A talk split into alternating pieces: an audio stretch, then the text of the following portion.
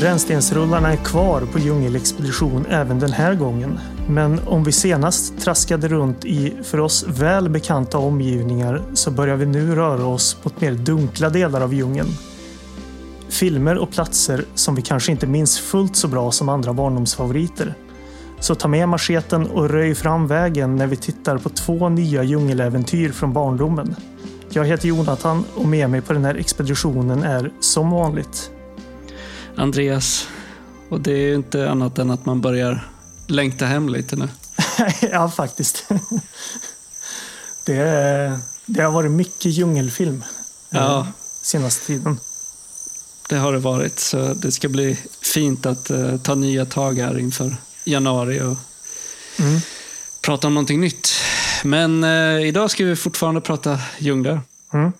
Och uh, de filmer vi ska prata om är Djungelboken från 1994 och Joe Jättegorillan, eller Mighty Joe Young från 1998.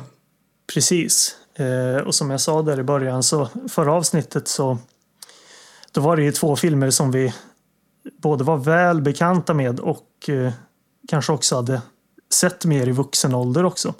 Eh, mm. I det här avsnittet så är det ju lite mer, ja vad ska man säga, i alla fall för min del filmer som, som eh, jag mer har en lite flyktig relation till.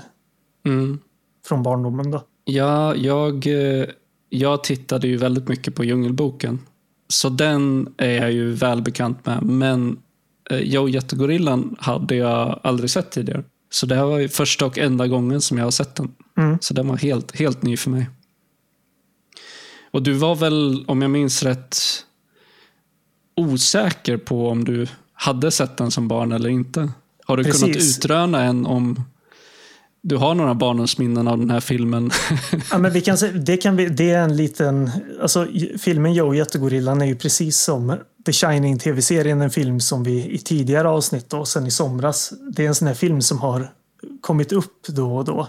Och det är därför också eh, vi pratar om den idag. Eh, just den där lilla grejen med om jag faktiskt kommer ihåg den filmen eller inte ska vi ta sen innan vi börjar prata om den. För det, det är en, en lite speciell ingång till just den filmen som jag hade.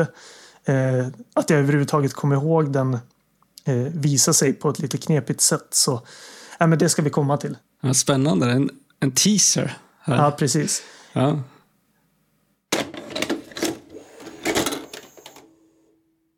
Och vi ska börja med att eh, prata om Djungelboken då, från 94, eller The Jungle Book som den heter i, på original. Eller egentligen så heter den Rudyard Kiplings Djungelboken. Precis. Eh, men som man ganska snabbt blir varse så har den ju väldigt lite med sin litterära förlag att göra. Det här är ju liksom en helt egen eh, variant av berättelsen. Det där är kul, det, vi, det, har jag skrivit lite grann om. Eh, jag har inte kollat upp så mycket men det där ska vi diskutera sen för det, det är in, jag försökte utröna vad som hör vart och, mm. och sådär. Mm. Så, ja. Men vi kan börja med att läsa baksidan på, på den här VHS-kassetten. Och då står det så här. Mowgli är tillbaka, på riktigt. Jason Scott Lee har huvudrollen tillsammans med över 50 specialtränade djur i nobelpristagaren Kiplings tidlösa berättelse. Ett spännande och dramatiskt äventyr där Mowgli inte bara möter människosamhället utan även den vackra Kitty. En romans som inte minst hennes far, Sam Neill från Jurassic Park, motsätter sig. För att inte tala om Kittys fästman. Men bara Mowgli vet vägen till en enorm skattkammare. Följ hans äventyr genom djupaste djungler och övergivna palats. För att rädda sig själv, djungeln och sina djurvänner. Och för kärleken. Åtföljd av Shere Khan, tigrarnas konung och djungelns fruktade hämnare. Och sen är det ett omslag som går i grönt.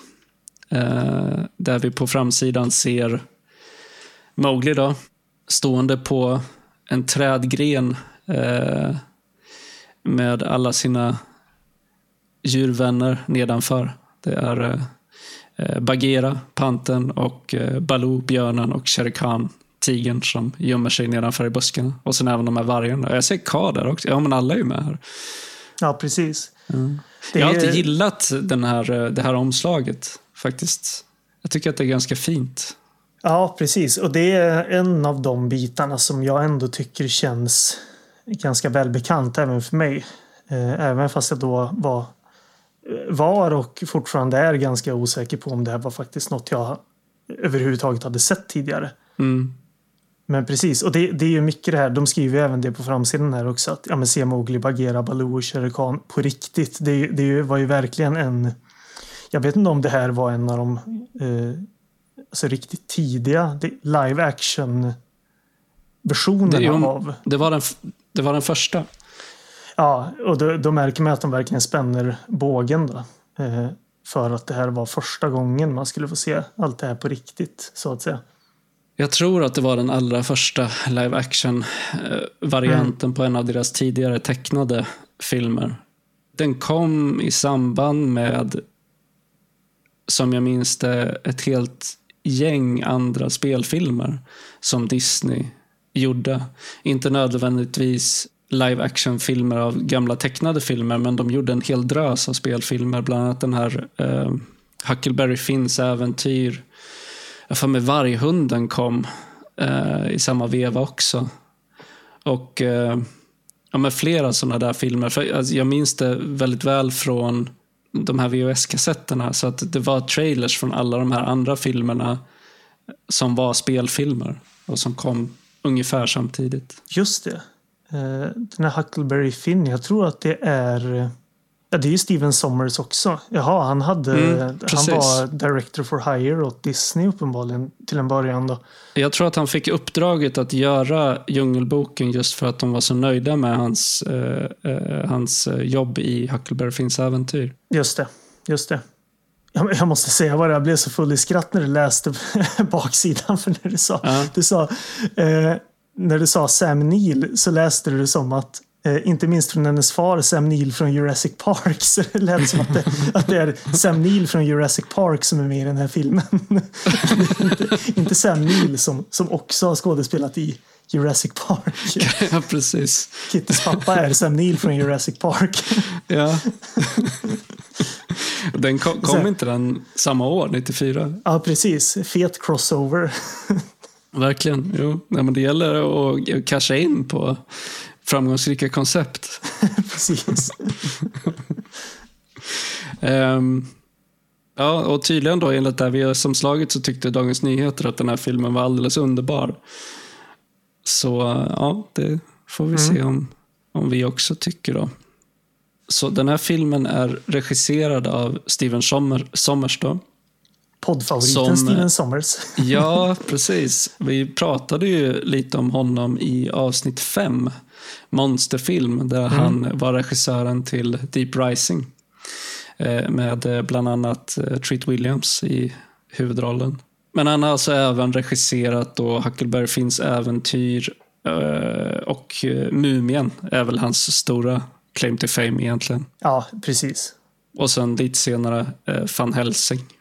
Det är väl de mest kända filmerna han har gjort. En av dem, eh, vi börjar få ett litet, en liten roster nu med namn som vi mm. har återkommit till. Det är mannen med efternamnet David Cup som, som jag tror att det är den enda som jag har pratat om tre gånger. Men efter honom så börjar vi få några nu som ändå har dykt upp ett antal gånger. Ja. Men ja, eh, manus är skrivet av Ron Janover och Mark Geldman eh, som jag inte har någon som helst relation till och inte har kunnat se har gjort någonting nämnvärt varken tidigare eller efter. Det var något namn jag stötte på i någon av de här filmerna som hade skrivit typ Cyborg 4 eller något sånt där. Ja, men vänta ska jag kolla upp det för att det var Jag kommer inte ihåg om det var de här dock. Jo, Cyborg 2, Glass Shadow. Är båda två har writing credits på den. Ja, det var någon så här, tror jag, direkt till videofilm med Angelina Jolie i huvudrollen då, från 1993. Den ser ju väldigt dassig ut, men... men eh, jag har bara sett första Cyborg med Jean-Claude Van Damme. ja, Jack Palance är med i den här också. Så det, mm. det, ja, kanske en bortglömd pärla, vem vet.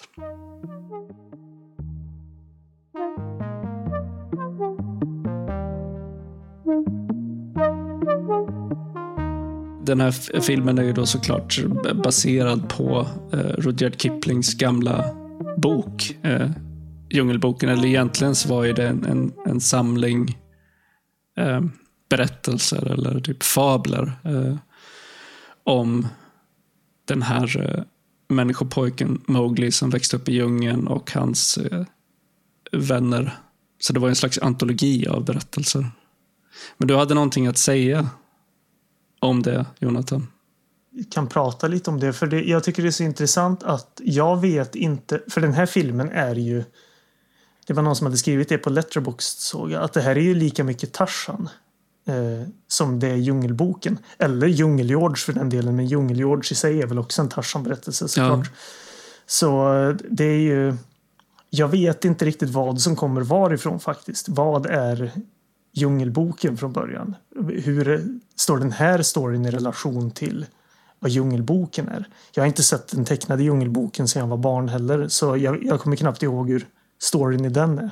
Nej, storyn i sig själv har väl så vitt jag vet och kommer ihåg ingenting med alltså den ursprungliga berättelsen att göra. I och med att Mowgli är ju en liten pojke och här är han mm. ju liksom en vuxen man.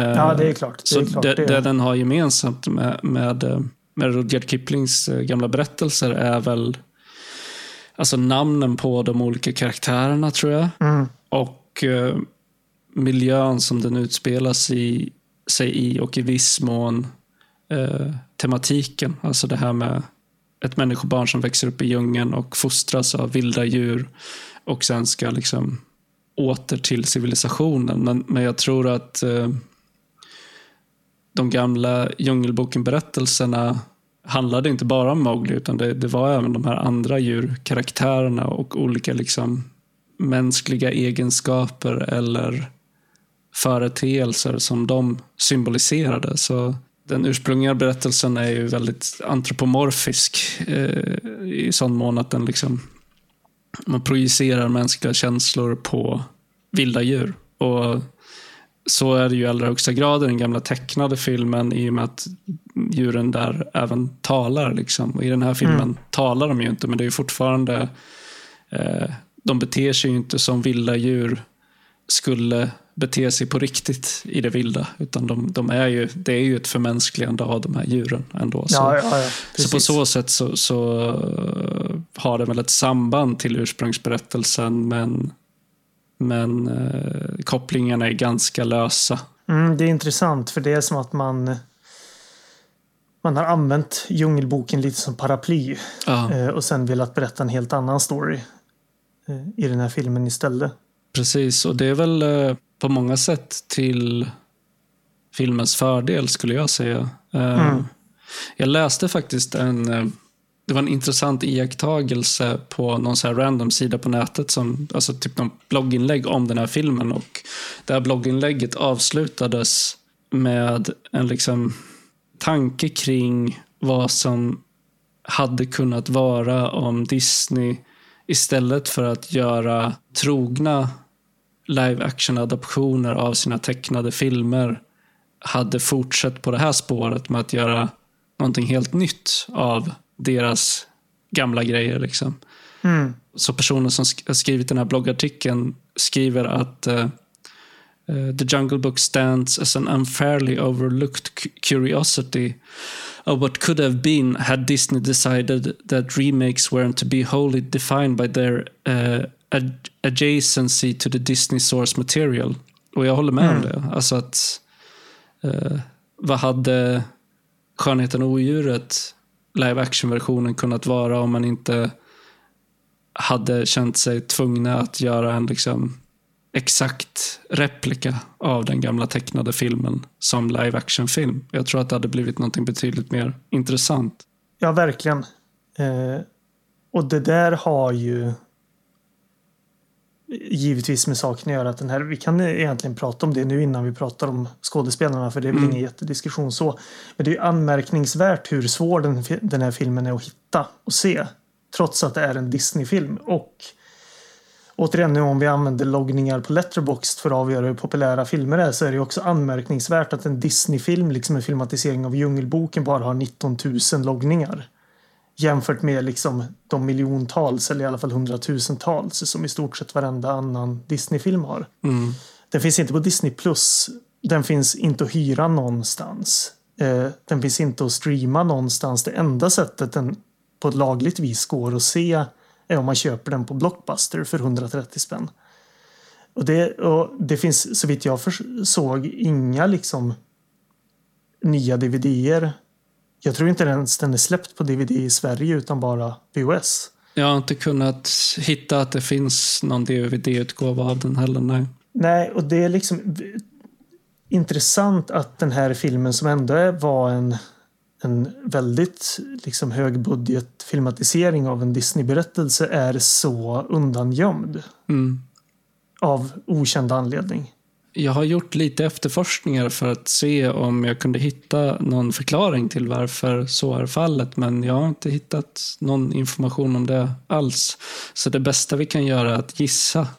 Mm. Eh, och min gissning är att det kanske har att göra med eh, att den till så stor del är liksom filmatiserad med riktiga djur. Alltså riktiga djur från det vilda. Eh, som mm. antingen liksom är infångade i det vilda eller som är liksom födda i fångenskap och sen tränade till att kunna användas i underhållningsbranschen. Och eh, det, är så pass, det är så många djur, mm. så många vilda djur i den här filmen. Så, så det är svårt att bortse från, från det. Ja, alltså det märker man ju vad det är som de var mest stolta över. Både ja. när man ser filmen, hur mycket scener det är med de här djuren. Och sen stod det ju på baksidan av, av kassetten att, ja, men med, att man gjorde en stor grej av ja, men det är över 50 liksom, mm. vilda djur som, som är med i den här filmen. Det är klart att det var väldigt speciellt. Mm. Och det, alltså, det spelar liksom ingen roll om eh, en film innehåller det här budskapet att eh, inga djur skadades under inspelningen av den här filmen. För det säger absolut ingenting om hur de här djuren behandlades före eller efter inspelningen av den här filmen i sina liv. Liksom. Det här är inte domesticerade djur, det är liksom vilda djur. Och enda sättet till att få dem att lyda är ju att tvinga dem till det. Liksom. Mm. Det finns ju en anledning till varför de utrymde filmsättet varje gång de skulle jobba med tigen som spelade Shere Khan. Och Det är ju för att du kan inte lita på att inte de naturliga instinkterna kickar igång och att han käkar upp någon. Liksom. Mm. Mm. Så någon kan komma till skada. Och så, nej, men så jag, jag, kan tänka mig att man kanske har plockat bort den av anledningen att man är medveten om att den skulle eh, idag kunna få väldigt mycket kritik från liksom, djurrättsaktivister eller ja, men människor som på olika sätt arbetar för, för djuret. Alltså man behöver ju inte vara vegetarian eller djurrättsaktivist för att hålla med om att, att det är etiskt oförsvarbart att liksom använda djur i underhållningsbranschen. Ja, men precis. Jag reagerar ju faktiskt på scenen när han träffar Baloo första gången med den här björnen som sitter fast i trädstammen. Mm. Eh, att det kändes liksom just den scenen blev man lite så men vänta nu, han, han ser ut att sitta fast på riktigt lite. Jag vet inte om det är det en riktig björn, för jag tänkte på det också. Så har om det, de... Eller om det var en animatronics. Det ja, kan typ, vara en animatronic. Ja. Men när det inte är det så är det ju otroligt uh, Han låter ju väldigt grymt. ångestriden. Sen, det kan ju vara pålagt i efterhand också. Ja, jo, jo. Det, jag reagerar på det då. Men jag har också tänkt på det att den här filmen har ju ganska många, jag tror framförallt att dödsscenerna i den här filmen är ganska omtalade i efterhand också för att Eh, de är väldigt otäcka för att vara i en barnfilm. Ja. Eller ja, jag vet inte om den uppenbart vänder sig till barn egentligen, men det känns ju som att det är det som är tanken med, en Dis med Djungelboken från ja, Disney. Ja, precis. Som... Nej, men det, var, det är ju en Disney-film och det är klart att den liksom, eh, riktade sig till, eh, till barn eller unga personer mm. som, som målgrupp. Men jag kan tänka mig en annan grej som, som gör att man skulle kunna vara lite försiktig med att ha den här eh, öppet på sina streamingtjänster är ju att den är den skildrar liksom den brittiska imperialismen eh, helt okritiskt. Mm. Ja, ja, ja. ja men verkligen. Också verkligen. ganska slående att det är liksom det finns inga problem med det. Nej, nej, nej, nej precis. Eh, och alltså, om inte annat också, jag tittar här på Box Office. Jag menar, den, den kostade 27 miljoner dollar att spela in. Och drog in 43. Och det, de gick i plus. Men jag tror att för en sån här produktion så är väl inte ens det dubbla vad man har betalat mer eller mindre en katastrof. Mm. Så det kan vara också så enkelt bara att ja, men, den liksom gick inte bra. Det finns ingen anledning till att köra ut den här. Men det är, det är intressant. En, en så pass stor produktion av Djungelboken, en av de första live action versionerna man gör, är så svår att hitta. Mm. Man tänker inte riktigt det när man ser hur mycket, enormt mycket av det gamla materialet som Disney har som finns på Disney+. Plus. Nej, det är väldigt speciellt. Sen kan det ju såklart vara så att, att det finns några helt så här andra eh, juridiska skäl till att de helt enkelt inte får ha den. Jag, jag, Ja, vi, har liksom, ja, ja. vi har ingen aning. Nej, nej, det är kul att spekulera i bara. Ja, men hur som helst, huvudrollerna är... De är roliga i Mm. den här filmen. Det är en kul cast. Många bra skådisar. Eh, vi har ju Jason Scott Lee i huvudrollen. Har du någon relation till honom förutom den här filmen? Ja, eh, jag har sett eh, den här eh, Dragon, the Bruce Lee story. Mm. Eh, Han spelar ju Bruce Lee i, i den filmatiseringen av eh, Bruce Lees liv. Den är ju väldigt liksom, den har ju ganska lite med verklighetens Bruce Lee att, att göra, men jag minns den som okej liksom. Men inte så mycket mer än så. Sen vet jag att han, han var påtänkt att spela Liu Kang i Mortal Kombat, men tackade väl nej till den rollen. Så. Som istället då gick till Robin Shou. Det hade inte varit så dumt när jag tänker på det nu. Nej. När kom eh, Mortal Kombat 96? Jag tror det, 95 eller 96. Jag blir nyfiken på vad han gjorde istället. Den där jag hittade Talos, Mumiens förbannelse av Russell Mulcahy. Den såg ju ganska cool ut. Alltså han har ju varit med i asmycket. Ja, Eh, Men det, det, alltså på senare år så tror jag att det har varit mycket så direkt till videogrejer. Men sen så, eh, han spelar ju den här live action-versionen av eh, Disneys Mulan. Det är väl en av de senaste rollerna han har gjort. just det. Och som eh, Kitty då så ser vi Lina, Lena Headey. Mm. Som väl alla utom du då Jonathan känner igen från Game of Thrones. Ja, alltså jag känner ju. Jag känner igen henne väl därifrån också utan att ens ha sett serien. Så. Men hon har ju haft en, en eh, väldigt stor karriär Ja. eh, sen dess också. Och innan det så hon var ju med i ganska många filmer innan hon var med Ja. i Game of Thrones också. Hon har varit med i Återstoden av dagen och Mrs Dalloway. Hon var med i 300. Upptäckte att hon även spelade Guinevere i, i den här tv-miniserien Merlin. Där också Jaha. Sam Neill är med. Han spelar ju Merlin i den. Den tänkte Ja, jag ja, att vi, vi borde kolla på och prata om någon gång. För den, den, den ser rätt kul ut alltså. Plus att jag älskar Sam Neill. Ja, ja, verkligen. Jag vill ju framhålla att hon är med i eh, den verkliga kanonfilmen Dread från 2012. Eh, Just alltså det. en Judge. Dredd-filmen som kom. Där de spelar gängledare. Ja, den var riktigt bra. Ja, ja, verkligen. En, en, en av de många filmerna som jag tror att den gick väldigt dåligt på bio, gick otroligt bra på DVD och så har folk hoppats på en uppföljare sedan dess och så kommer det aldrig. Eh, Det är som en- väldigt bra. som en Die Hard i eh, sci-fi framtidsvärld. Ja, alltså den är ju speciell i det att eh, den har nästan exakt samma story som The Raid. Som jag Ja, tror kom samma år till och med. Eh, men också är ju kul i och med att båda är väldigt bra filmer. De är olika från varandra men det är, jag har inte sett den alltså, gamla Judge Dredd-filmen med Stallone. Eh, den har väl inte, den är säkert kul men den har inte fått så bra kritik. Jag har sett den någon gång, men jag, nej, den var väl inte så bra. Men den, den, är, nog, den är ganska färgstark som jag kommer ihåg det. Så den kan vara värd att se därför. Tror att en stor kritik den har fått är att om man konnässörer, eller det behöver inte ens vara konnässörer, de som tycker om Judge Dredd-karaktären blir ganska irriterade på att Stallone givetvis kände sig tvungen att ta av sig hjälmen. För det är ju Stallone. Han måste ju visa upp att det är Stallone. Kan inte gå runt Ja. med en hjälm hela filmen. Ja, nej men det är den Dredd från 2012 är väldigt bra. Ja, men verkligen. Det, det, den hade jag faktiskt glömt bort, men jag, den är ju skitbra. Jag Mm. tyckte mycket om Vad heter han som spelar Dredd i den? Carl Urban, han är ju Just också det. verkligen i ropet nu i och med att han är med i The Boys. Ja, han är bra. Mm. Eh, men så, sen har vi i Djungelboken då också Sam Neill.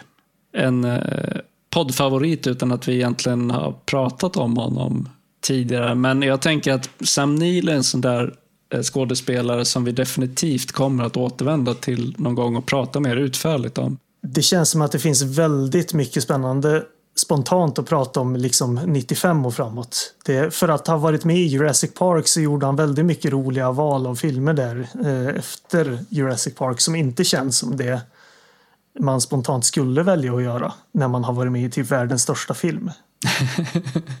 Precis. Han är, han är, eh, han är skitbra. Han har gjort massa filmer som jag tycker jättemycket om. Men för de flesta så är han väl känd från Jurassic Park just. Eh, kanske Ivanhoe. Nej, alla känner absolut mest igen honom från Possession. Ja, precis. Det är kanske också- den filmen med Sam Neill som man verkligen borde se, men som då kanske inte de flesta har sett. Men det är en fantastisk film. Och sen är John Cleese som inte behöver någon närmare presentation. Han spelar Dr. Plumford här. Och sen har vi Carrie Elves Mm. som spelar Boone. Eh, det är kul att se honom i en sån här eh, skurkroll. Faktiskt. Ja. Han, han, han gör det bra. Verkligen. Det, det, Tvinnar sina mustascher. Och är väldigt ond. det var väldigt speciellt med honom. För jag satt och tänkte precis i början så att ja, ja, men ska han vara lite lite så här eh, charmig och härlig, liksom som någon slags föregångare till Thomas Hayden Church? Och svaret är ju nej, absolut inte. Eh, Det var ju lite synd, även fast jag kan förstå att han, en skådespelare som honom, kanske tyckte det var väldigt kul att få en sån här roll där man kunde få vara ond på riktigt. Mm. Så hade det varit mysigt om man fick vara lite charmig också. Men Jo, Det- men det gör han ju också bra. I Princess Bride till exempel. Ja. Eh, Robin Hood. Han spelar Robin Hood i, Mel Brooks gamla eh, Men in tights. Ja, Ja, precis. Kar, karar i trikåer. Och precis. sen, eh, han är med i Hot Shots också. Första Hot Shots-filmen. ja, spelar han en- spelar i- Iceman. Ja, precis. Parodin på Val Kilmers karaktär från, från Top Gun. Eh, Jag tror, jag tror att många har glömt bort också, men han har ju en av huvudrollerna i första Så-filmen. Ja, Det är precis. speciellt. Mm. Ja, nej, så, så han är också alltid kul att se. Um, Och sen eh, ja, men några andra nämnvärda är väl eh, Jason Fleming som spelar Wilkins. Och han var ju med i Deep Rising som vi pratade om i, i avsnitt Just det. 5. Ja, det var han ju faktiskt. Ja, jag, kommer, jag pratade ju om där att han, han är så bra på att se stressad och väldigt svettig ut. Och det, det gör han ju i den här filmen också. Han har en Ja, verkligen. eh, väldigt liksom, eh, intensiv dödsscen. Eh, Mm. och sen eh, som Buldeo så ser vi Stefan eller Stefan Khalifa. Ja, nej men eh, så, nu då ska vi se vad, eh, vad de vännerna i Bonniers film och videoguide tycker om den här filmen. Absolut. Eh, innan vi går över till att prata om filmen i sig. Eh, här har den titeln Rudyard Kiplings Djungelboken så jag gissar att det är den titeln den släpptes under eh, i Sverige. Och då står det så här. Trevlig gammaldags filmatisering i pojkäventyrsstil av Kiplings berättelser under Disneys baner men utan disneyfiering inom parentes då.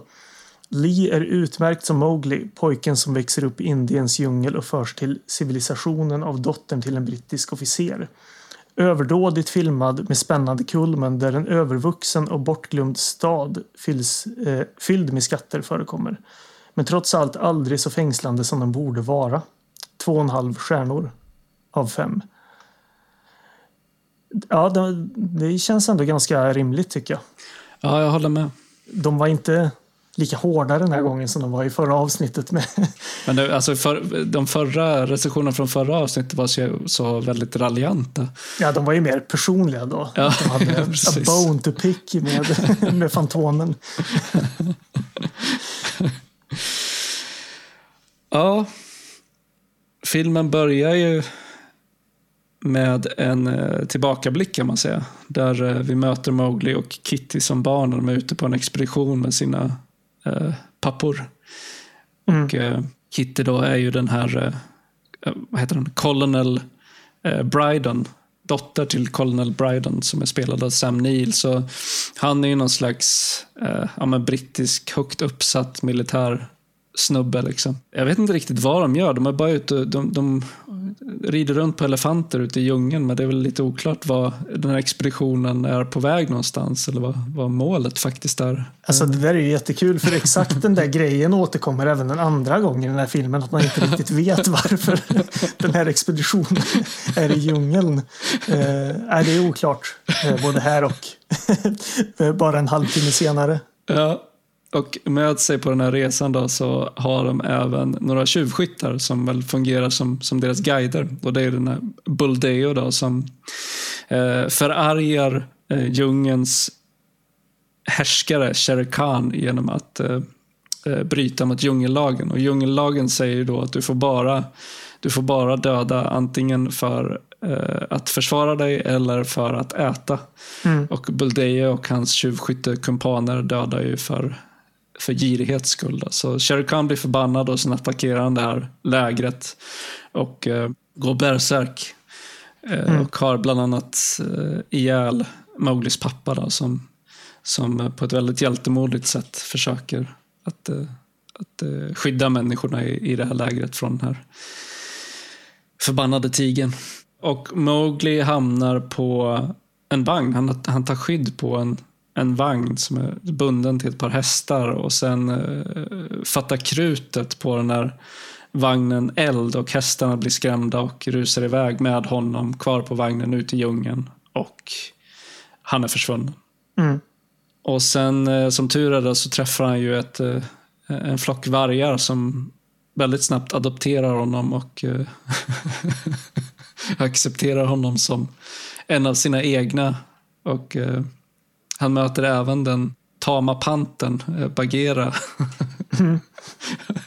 och räddar en, eh, en väldigt eh, liten Baloo från ja, den här trädstammen som han har fastnat i. Då, så han hjälper honom att komma loss. Och Precis. På så sätt så har han liksom sam samlat sitt, sitt gäng av djungelkompisar. Ja, det är, han räddar Baloo i den här scenen som jag tror ska spelas som, som komisk i och med att det är sån här fopp-ljud när han drar ut honom ur, ur hålet. Men ja. som snarare bara ser ut som en väldigt liten björn som är ångestriden över att man sitter fast. Så det, det, man kanske läser den scenen annorlunda som barn än vad man gör som, som Nej, men jag, jag, jag, minns att jag tyckte att den scenen var obehaglig när jag var liten också. Mm. Speciellt när han liksom tar i eh, han, han tar i så väldigt mycket för att få loss den här björnen som sitter fast med skallen i det här hålet i trästammen. Och precis innan han lossnar, det ser ut som att han mosar hela ansiktet på den här stackars björnen. Alltså för att ja. nosen viks ju upp så att den nuddar pannan Ja, på precis. Det, det. Får jag hoppas att det är en, en, någon slags eh, modell. Ja, det måste ju vara en ja, annars är det ju... Alltså, annars ja, är det ja, precis. fruktansvärt. Uh, nej, så, så jag, jag kommer ihåg att jag tyckte att den scenen, jag tyckte inte att det var roligt när jag var liten heller. Jag bara tyckte synd om den här stackars björnen. Men precis som mm, du säger mm. så kommer ett sånt här ploppljud som gör att man ja. anar då att de har försökt spela det som att det ska vara lite lustigt. Men, ja, precis. Uh, ja, nej, och sen kommer det ju ett slags, um, det är en ganska snygg övergång tycker jag, när han går med sina sina djurvänner i djungeln och sen försvinner han liksom bakom en buske och så kommer han ut som vuxen på andra sidan. Ja. Absolut.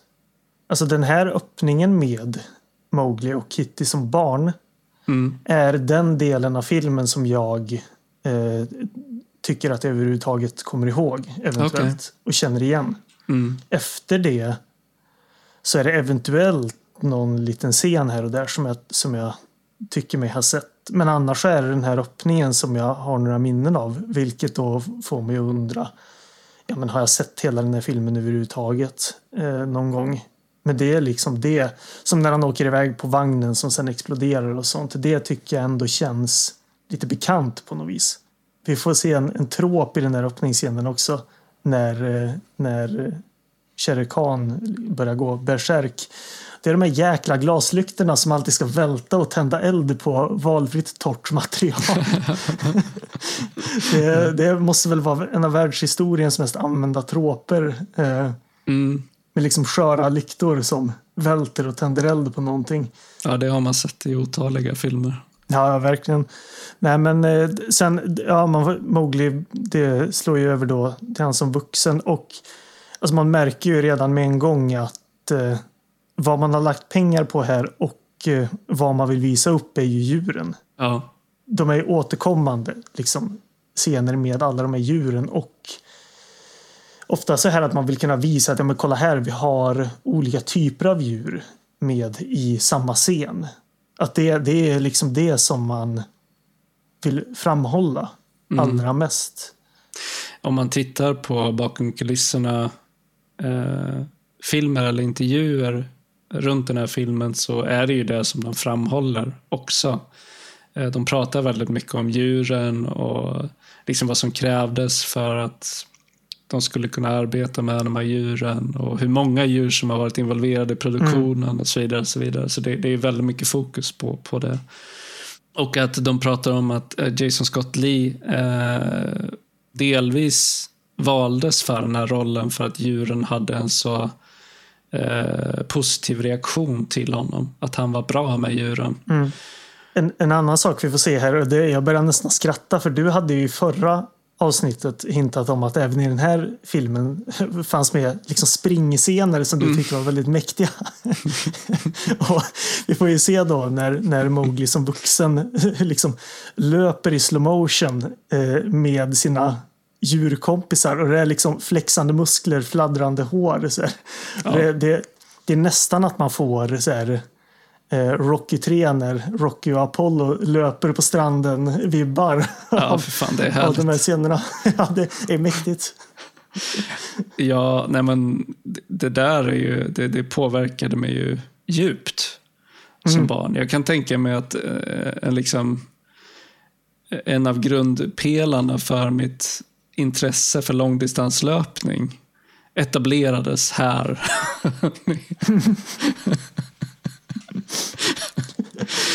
Eh, alltså jag har ju ett, så, jag har ett, ett otroligt starkt minne från någon gång när jag gick i lågstadiet. Jag kanske var åtta, åtta år gammal eller något sånt där. Så var jag hemma hos en kompis. Liksom.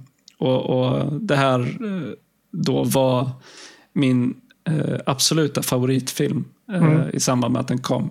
Jag, jag tittar på den varje dag. Och eh, var så tagen av de här löpscenerna. Eh, det finns ju en annan scen där han liksom skriker I am not a man och så s- s- kutar iväg längs en, en bro kantad av eldslyktor. Och det ser, han springer så jävla fort och ser så mäktigt ut. Så det, det var flera sådana där scener som, som eh, hade en otroligt stark effekt på mig. Men jag kommer ihåg då hur jag var hemma hos en kompis och lekte och vi var ute i skogen och byggde någon koja. Och jag hade ju den här filmen eh, i mig. Liksom. Eh, så när vi sprang genom skogen då tänkte jag på Mowgli i Djungelboken och liksom Ja. levde mig in i att jag var han som sprang genom skogen och jag duckade för grenar på samma sätt som jag tyckte att Mowgli gjorde i, i den här filmen. Så, så det var ju liksom eh, Ja, nej, jag var väldigt påverkad av det. Jag, kommer, jag var en så dryg liten skitunge också, så jag kommer ihåg att jag sa till min kompis efter att vi hade sprungit i den här skogen att för vi var hemma hos honom då, så det var liksom hans skog eh, på något sätt. Och så sa jag, du det verkar som att jag känner den här skogen bättre än vad du gör. så jävla, jävla skitunge. Du var ett, ett med skogen. Vad sa du? Du, du, du var ju ett med den skogen. Ja, Du precis. kan, Jag du kan markerna.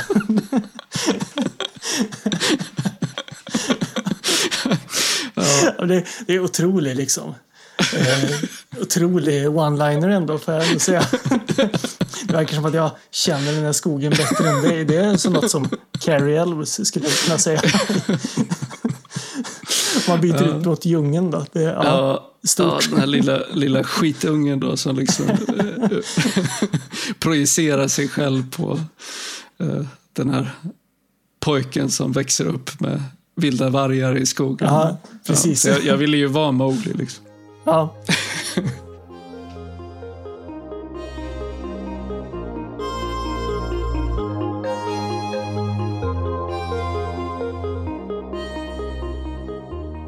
Jag har liksom två eh, iakttagelser. Mm. Så att säga. Just in, inför den här, man kan väl säga att det här hör till filmens första akt egentligen. När Mowgli då är eh, ja, men vandrar runt i djungeln kan man väl säga i vuxen mm. ålder. Och det är att för, först då så får man ju redan här se ganska otäcka scener för den här annars ganska barnvänliga filmen. Och då har man ju till exempel då, han hittar ju det här aptemplet mm. med alla de här skatterna. Och den där scenen, undervattensscenen med ormen är väldigt eh, liksom ganska otäck för, eh, för den här filmen. Och sen då att han liksom hugger ihjäl den här ormen eh, på slutet. Och sen tar sig upp ur vattnet och den där apan gör någon fånig min och det blir så här, det, det, det, tonen är oklar. Absolut, de, de har ju någon slags, eh, de, de här aporna eh, i den här liksom bortglömda, övergivna eh, djungelstaden har ju någon mm. slags fight club där i, mm. eh, För det verkar ju som att alla de här små aporna som som hänger i det här rummet som är fullt av skatter, de vet ju vad som, som är på gång. Så ja. Det är liksom många skattletare som har kommit dit och blivit eh, uppkäkade av den här ormen tidigare. Så, och ormen dyker ju upp när kung Louis då, den här, eh, jag vet inte, är det en orangutang eller vad, vad är han för slags sak? Ja, jag tror det. Ja, när, när han klappar i händerna så kommer ju ormen. Så det här känns ju som ett väldigt eh, eh, liksom, ett, ett mönster som har återupprepats genom historien. Eh, Hur många massakrer har, har inträffat i, det där, i den där staden innan? Precis.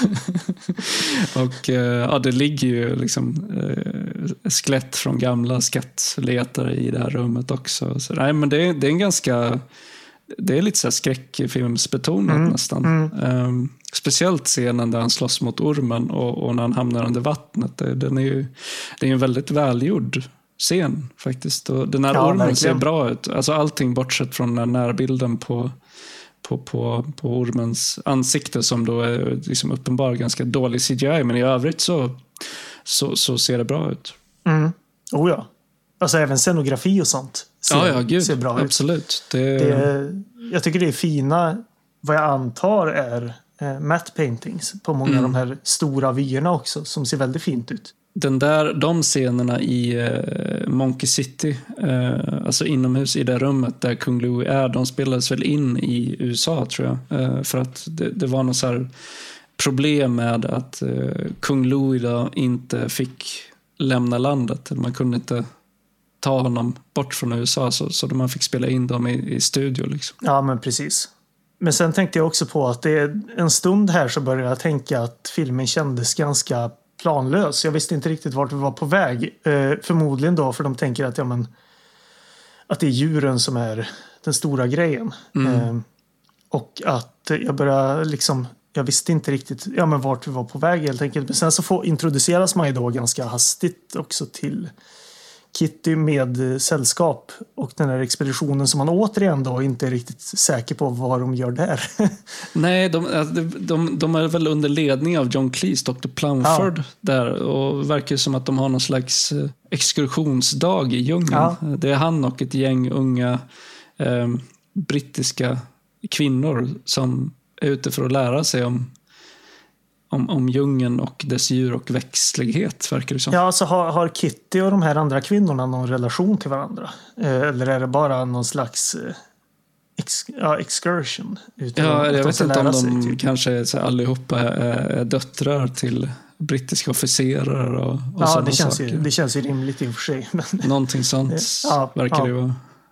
Ja, för filmen utspelar sig i Indien. Jag vet inte om vi har nämnt det. Men precis där i närområdet så finns det också en hängbro. Alltid mm. dessa hängbroar eh, med en tillhörande skylt som varnar för att den här hängbron är ju, den ska man inte gå på för den är väldigt gammal och eh, farlig. Eh, men Kitty antar utmaningen och kutar över till andra sidan då, där vi får reda på av Dr. Plumford att liksom, det är bara den här hängbron som, som skiljer civilisationen från den vilda mm. djungeln. Så om du passerar till andra sidan då är, det så här, då är du on your own. Liksom. Då är du ute i det vilda. Och där så stöter hon ju på Mowgli ganska snabbt. Alltså de springer ju på varandra direkt. Ja, precis. Det där tyckte jag också var så här, ja okej. Okay. hade vi kunnat kosta på en lite mer episk introduktion men Ja, det är som att de, ja ja, där är, åh fan, där är ju Mowgli. och han dyker upp i, i så här orm, ormskinnsklädnad. Jag vet inte om du tänkte på det här, men Nej, det, det, ser ut som att han skinnat ormen och satt på sig kläderna. men det är liksom okommenterat, så man vet inte om det är så är också en fallet. sån där grej som man, man bara tänker på vad som har hänt också. Är sådär, ganska rått. Han gjorde en Bear Grylls där och bara slet av liksom. Ja, det, det, är, det är många grejer eh, som, som är så implicerade i den här filmen som man inte... Eh, alltså ganska brutala grejer som är implicerade men som man inte får se riktigt. Mm. Men eh, ja, de stöter på varandra där och det, det sker väl någon slags igenkänning. I alla fall från Mowglis sida. Ja, han ger väl henne den här blomman som han gav henne som barn också. Precis. Och eh, sen dyker Carrie Elfstad, eller Boone, upp. Mm. Som är, eh, ja, vad ska man säga, Kittys pojkvän. Eller, han eh, vill ju gärna vara det i alla fall. Och eh, Mowgli får för sig att eh, han är ett hot eh, för Kitty, så han liksom går emellan där för att försvara henne från honom och det blir handgemäng. Vilket resulterar i att eh, Boons polare kommer dit och skjuter honom i axeln. Men det är en ganska rolig scen där när, när Boone försöker boxas med honom och han bara duckar Ja, slagen precis. utan minsta Precis. ansträngning. Och till slut fångar han snäve i sin hand och bara så puttar ner dem i vattnet. Det märks att han är en eh, aristokratisk eh, brittisk gentleman som inte ska syssla med sånt här egentligen. Eller det märks att han, han inte har behövt syssla med sånt här egentligen Nej. när det Put väl, up, put up. när det väl liksom sätts på prov. Nej.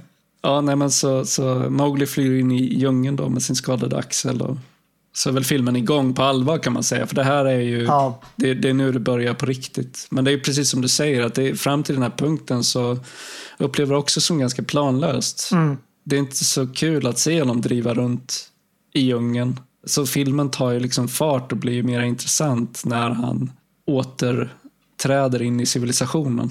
precis. Eh, alltså nu, nu innan vi går vidare, nu när vi har introducerats för vår trio här så, så kan jag ju lyfta det nu, en grej som jag reagerade på. Och det är hur otroligt barnsliga alla ser ut. Och då är inte menat att de ser fåniga ut, utan att de ser, ut, ser så otroligt unga ut. Och eh, tänk då på att alltså Carrie Elves är äldst av den här trion. Han är strax över 30. Ja. Men han ser ut som ett barn i vuxenkläder. Men det har han ju alltid gjort. Ja, men jag minns det som att i Hot Shots som är, ja, den kom väl en fem år tidigare i alla fall. Så ser han äldre ut än vad han gör här. Så det är som att han, han liksom har åldrats eh, tillbaka lite. Ja. Jag, jag har nog alltid tänkt på Carrie Ells som att han ser ganska barnslig ut. Det är någonting med hans uppsyn och hans... Ja, Han, han är ju så tvålfager. Liksom. ja, ja precis. Men absolut, de, de ser väldigt unga ut allihopa. Och de var ju det också, givetvis. Det, det, jag menar, Lena Headey var ju, om jag minns rätt nu, typ 22. Jason Scott Ja, Lee så pass 26 eller någonting och eh, Carrie Elves strax över 30. Ja. Eh, Men Mowgli kan ju inte släppa eh, tanken på Kitty så han eh, bestämmer sig för att ta sig till, eh, in till staden då för att försöka leta reda på henne. Och väl där så klättrar han upp i hennes rum och eh, blir påkommen liksom och sen jagad genom stan. Kommer återigen ett sånt här löpscener. När han, fast nu kutar han runt på, på gatorna i den här, jag vet inte vilken stad det är de är i, men det är någon, någon indisk stad. Mm. Där, där, där finns det också så här tråper. Eh, Jag, jag har ju en grej i den här scenen som, som är i, i sin kontext om man bara tänker på den jättekonstig. Och det är den här scenen med repet. ja, ja, ja. Man blir som, men vänta nu, är, är, finns det magi i den här världen också? Mm. ja, jag vet. Och det är det, enda, det är det enda som är med liksom. Helt okommenterat. Det tänkte jag också på, det här med repet. Att, eh, eh, för det, det är ju då en, eh, ja, men typ en ormtämjare som, fast han Han, en, reptämjare. Ja, men alltså det är en ormtjusare brukar det bli. Ja. Som de spelar någon, någon typ av flöjt för att ja, men, eh, få ormar att liksom bli paralyserade. På, ja, alla vet ju vad, vad den här grejen är. Alltså, liksom, man har en orm i någon eh, ja, men typ korg. Och så. Men istället för en orm så är det ett långt rep. Som de sen klättrar på. ja, och sen när han slutar spela på flöjten så faller repet ner. Så det är liksom Ja. uppenbart magi. Eh, Precis. ja, absolut. Men det, det tänker jag, det finns en koppling där till Fantomen. För att Fantomen är ju samma sak också. Att det finns här en antydan om att magi är på riktigt. Ja, just Men det. det är okommenterat. För då är det skelettet i den första grottan som vaknar till liv och stryper den här skurken. Just det, just det. Sen har du dödskallen av Toganda som är mer uppenbart magiska såklart. Men, men det är helt okommenterat, precis som i den här filmen. För att alltså, som du sa, det finns liksom inga andra tecken förutom den här scenen på att magi skulle vara på riktigt. Men, men den trop som jag tänkte på som är ganska eh, den här skildringen av den här indiska staden. alltså på varje gata i varje indisk stad, om man ska liksom följa logiken i den här filmen, så finns det fakirer och då ormtämjare eller ormtjusare Ja, ja, som uppträder och, och de är vilt påhejade av liksom hundratals indiska män i Ja, identiska vita dräkter och röda turbaner. Jag vet inte om du tänkte på det, men alla, alla indiska män ser exakt likadana ut. Ja, ja, ja, vad, ska, vad ska man säga egentligen? Alltså, är, det, vad är, vad är, är det 94 det är? Eller när, Ja, det är 94. Det, när är vi egentligen? Liksom? det är liksom ett hav av, av såna här vita dräkter och röda turbaner. ja, ja, Eh, som, som då, och bara män. Alltså jag, jag, kunde, Ja, ja. jag tittade, jag Ja. kunde inte se en enda kvinna. ja, nej, det är speciellt alltså. Men man har kommit långt på ja, 25 år. Liksom. Ja. Men han, han blir tillfångatagen då till slut och eh, satt i fängelse. Där kommer också ganska så här... Eh, det är inte så grafiskt, men, men i sin implikation så är det ganska obehagligt. För det liksom är väldigt tydligt att han blir torterad. Ja, precis. Av, av Boone och hans hejdukar. Mm. För de har ju förstått, alltså tack vare att de har hittat en så här eh, guldsnidad kniv som Ja, han har på sig när han blir tillfångatagen i staden så inser de att okej, han vet vart det finns skatter ute i djungeln. Så de försöker liksom, de torterar honom för att få honom att röja informationen om vart skatten finns. Och sen kommer Kitty ner och räddar honom ur hans fängelse. Alltså Sam Neill här har ju någon slags eh, mittemellanroll i det att han, eh, han är ju delvis på Boones sida. Mm. Så han får ju någon slags, eh, vad ska man säga, om man eh, eh, om man ska använda Dungeons and Dragons termer, lawful neutral eh, hållning till det hela. Liksom. Och lite, lite korkad. Han är en dålig människokännare för han är liksom övertygad om att den här Boone är, vad heter det, hyvens, Ja, hyvens kille, precis. hyvens kille.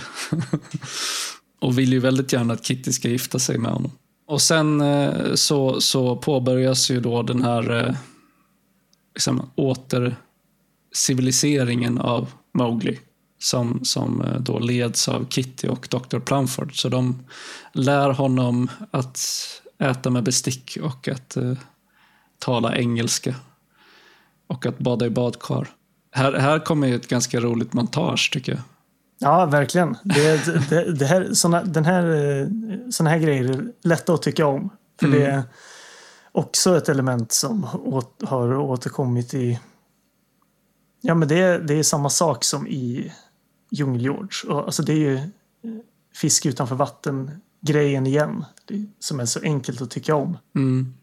Det leder väl egentligen fram till att det är någonstans sen när Carrie Elves liksom övertalar Kitty att ja, men kan inte han följa med mig liksom? Vi, jag vill snickesnacka med honom lite om något viktigt. Typ. Och så, vart är de? Är de i någon slags museum med alla de här vapnen? De går väl till hans troférum. Ja, precis. Just det. Och där får man ju liksom väldigt eh, heavy-handed liksom.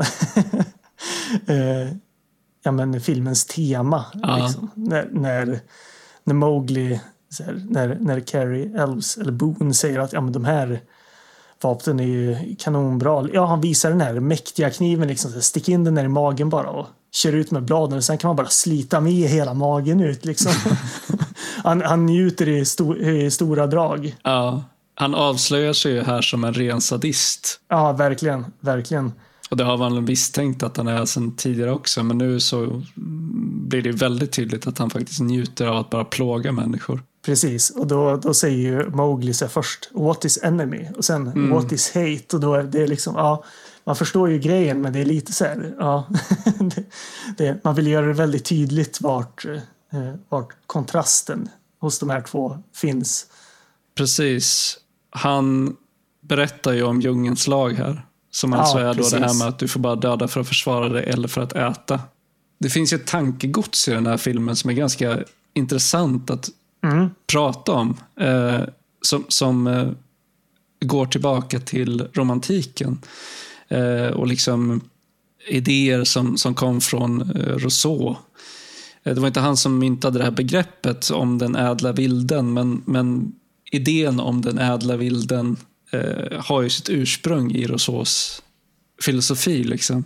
Och den, alltså, idén om den ädla vilden är ju då bara att eh, människan i sitt liksom ursprungstillstånd, den ociviliserade människan, är den rena och den goda. Mm. Eh, och att civilisationen korrumperar. Civilisationen för med sig liksom hat, girighet och sådana saker. Det här är ju en idé som, som ligger till grund för den här filmen. Ja, ja, verkligen. Och som jag tror påverkade mig i allra högsta grad när jag var liten. För det här var liksom min min idé om vad djungeln eller det vilda var för någonting och vad det betydde. Jag kom att tänka på Werner Herzog och en mm. grej som han säger i, eh, nu kommer jag inte ihåg vad den heter, men han säger det i en gammal dokumentärfilm som liksom skildrar inspelningen av uh, Fitzcarraldo. Det den här uh, uh, som handlar om hans relation med Klaus Kinski? Eller Nej. En, nej, det... Den, det är en annan. Den handlar om inspelningen av Fitzcarraldo där de skulle frakta den där stora jävla ångbåten eller ångfartyget ja, genom djungeln och de hade liksom ett helvete eh, med att ro den här inspelningen i hamn. Men i den dokumentärfilmen så ger han sitt perspektiv på, på djungeln. Jag tyckte att det kunde vara ganska intressant att kontrastera hans liksom nihilistiska eh, bild av djungeln mot vilken bild som presenteras i den här filmen, men även i de andra filmer som vi har sett som, som liksom ger en, en bild av vad djungeln är för någonting. Mm. Mm. Så jag tänkte om jag får läsa upp det. Det är ett lite längre citat. Men, ja, jättegärna. Ja. Då säger Werner Herzog så här då, om djungeln. Nature here is vile and base. I wouldn't see anything erotical here. I would see fornication and asphyxiation and choking and fighting for survival and growing and just rotting away. The trees here are in misery and the birds are in misery. I don't think they sing, they just screech in pain. There is some sort of harmony. It is the harmony of overwhelming and collective murder. And we, in comparison to the articulate vileness and baseness and obscenity of all this jungle. We, in comparison to that enormous articulation, we only sound and look like badly pronounced and half finished sentences out of a stupid suburban novel, a cheap novel. We have to become humble in front of this over overwhelming misery and overwhelming fornication, overwhelming growth and overwhelming lack of order. Even the stars up here in the sky look like a mess. There is no harmony in the universe. We have to get acquainted to this idea that there is no real harmony as we have conceived it. But when I say this, I say this all full of admiration for the jungle. It is not that I hate it, I love it. I love it very much, but I love it against my better judgment. Mm. Fan vad man älskar Werner Herzog. Just det här han säger att Uh, the trees here are in misery and the birds are in misery. I don't think they sing, they just screech in pain. ja, det är fantastiskt. det här är liksom en helt annan uppfattning om vad djungeln är och vad djungeln betyder än så som den presenteras i Djungelboken eller liksom andra filmer där djungeln skildras. Det där är ju djungeln som ett, ett brinnande helvete. Ja. Som, eh, I kontrast till här då, där, där djungeln är ja, men någon slags paradis som man vill tillbaka till. Precis. Jag tänkte så här att det hade varit jäkligt intressant om Werner Herzog hade fått i uppgift att göra Disneys live action-version av Djungelboken. Ja, ja. alltså sett till hur, hur liksom spretig och lite lustig hans karriär är med vilka filmer han gör så hade det inte varit helt osannolikt. Nej. Kanske inte under Disneys fana då numera men, men sett till att han har liksom gjort helt plötsligt göra en Nicolas Cage-film. Nu var ju det länge sedan vid det här laget men det, det, hade, det hade funnits saker som man hade blivit mer förvånad över än att han skulle ta ett sånt projekt.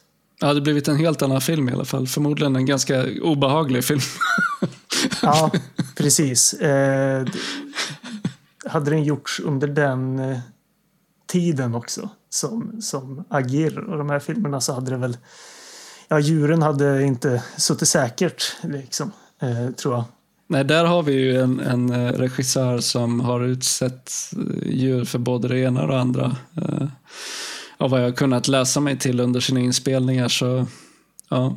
Det var väl hästar som gick åt ganska ordentligt i inspelningen av Agir, tror jag. Sen även i hans i, fantastiska eh, Nosferatu-film Mm, så var det väl råttor som bara eh, liksom behandlade, var kanonmat mer eller mindre för den här filminspelningen. Liksom. Eh, sket fullständigt i att de skulle överleva. Liksom. Det är mäktigare att ha liksom, eh, hav med råttor. Eh, och visst, det ser bra ut på film, men man vill ju helst inte tänka på eh, hur man behandlar de här djuren sen. Liksom. nej, precis.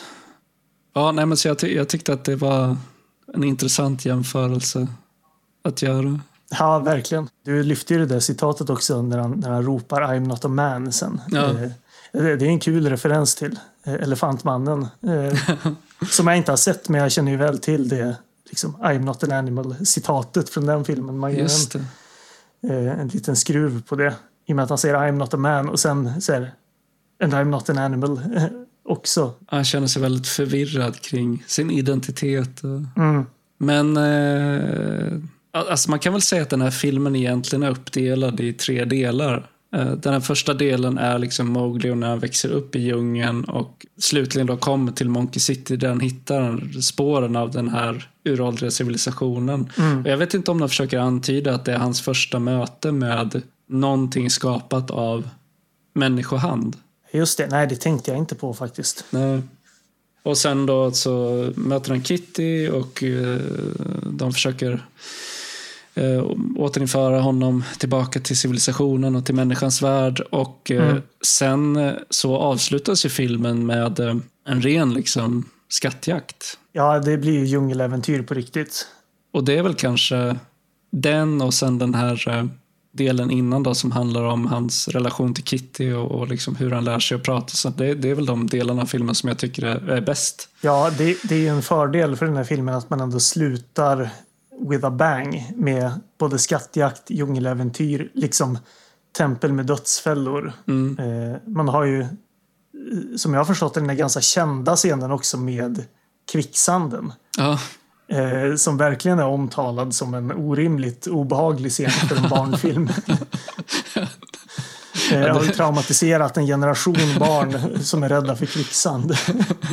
Ja, det är några riktigt eh, brutala dödsscener där på slutet. Och, Ja. och, eh, Buldeo går ju en, en väldigt hemsk, eh, hemskt öde till mötes också.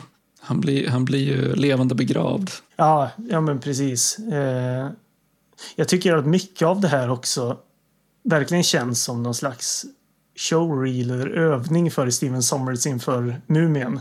Eh, Ja, med hur hela den här sista akten är utformad med det templet med skattkammare och eh, dödsfällor. Som, eh, jag tycker nästan att man kan känna igen scener som man har nästan som att han har övat Mm. eh, inför att göra en om det här var övning för att göra en stor äventyrsfilm så, så fick han verkligen spänna musklerna när, när han fick göra Mumien sen.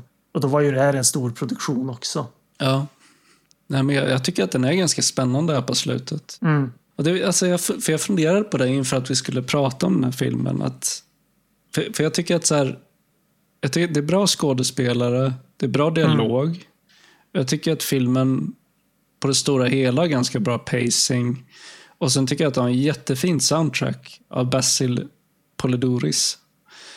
Som eh, har gjort massor med filmer. Han, han har gjort soundtrack till eh, Conan-filmerna, Robocop, Starship Troopers. Han verkar ha jobbat ganska mycket med Paul Verhoeven. Ja, precis. precis. Så, så, och det, det, det är väldigt liksom fint soundtrack här. Så varför tycker jag i slutändan inte att den är bättre än vad jag tycker att den är? Och det enda jag kan komma fram till är att eftersom den är uppdelad i de här tre delarna, om det kan ha att göra med att inte att varje enskild del är för kort. Mm. Vilket gör att det sammantagna bedömningen blir att filmen är ganska grund. Ja. Och jag, jag vet inte om det är anledningen, men för att den, den, har många delar som jag tycker är bra. Men i slutändan så är det ändå så ja, den, den var väl okej okay, liksom. Men jag vet inte riktigt varför jag känner så. Nej, alltså det där är intressant för filmen är nästan två timmar lång. Ja. Men de här tre bitarna känns ändå som att de är 20 minuter långa. På något vis. Ja. Så man undrar lite vart tog tiden vägen? och delvis så, så, tycker jag vissa bitar känner jag direkt att det är lite för långrandigt. Framförallt mm. i, i akt två.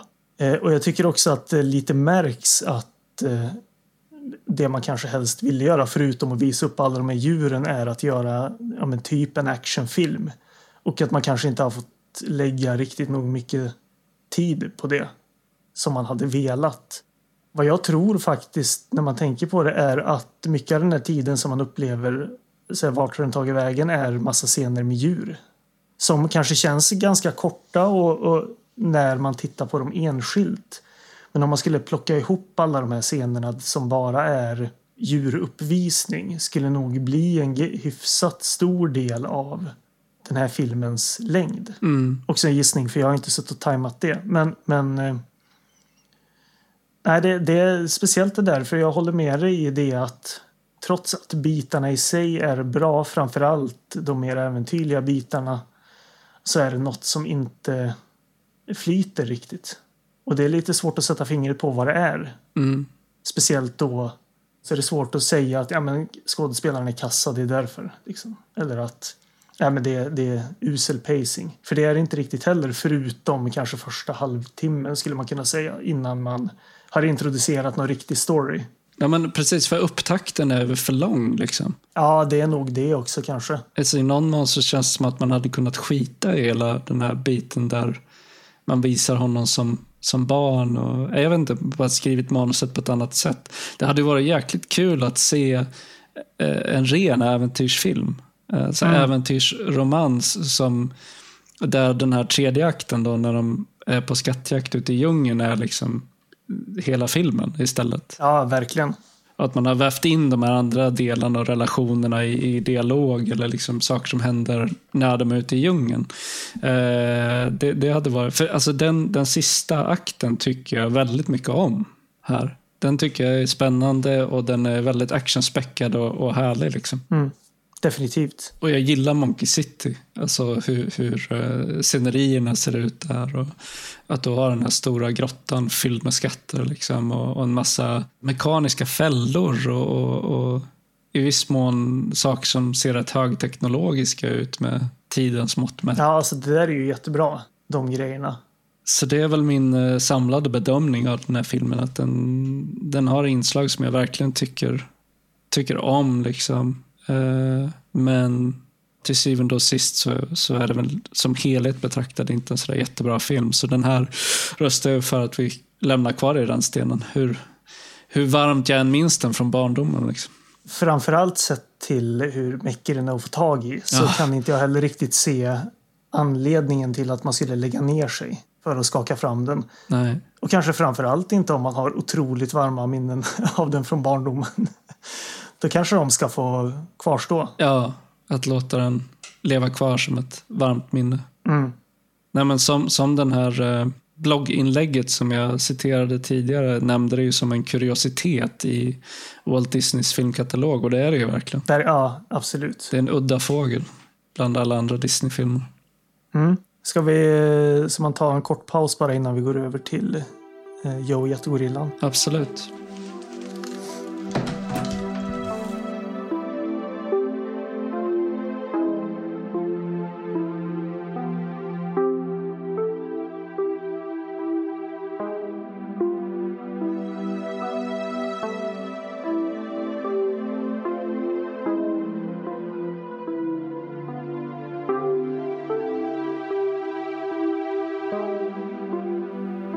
Andreas är inte tillbaka vid datorn än så då får jag spela in lite ambiens till dess.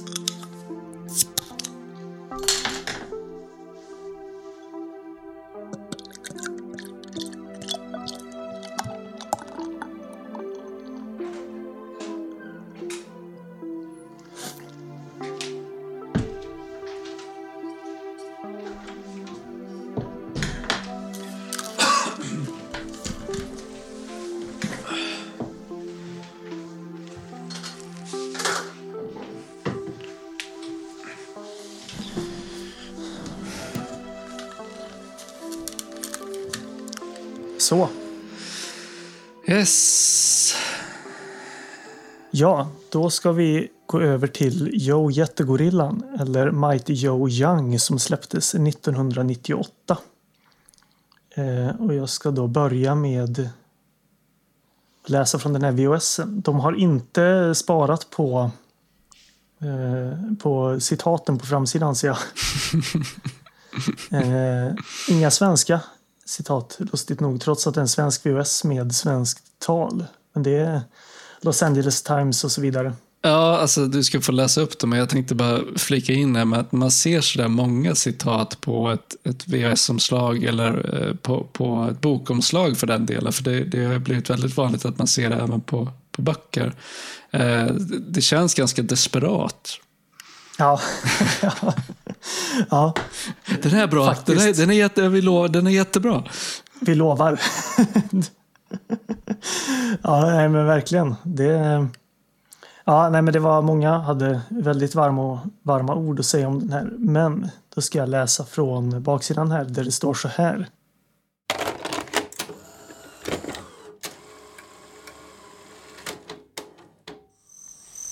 Joe Jättegorillan är filmen som Oscars-nominerats för sina otroliga visuella effekter.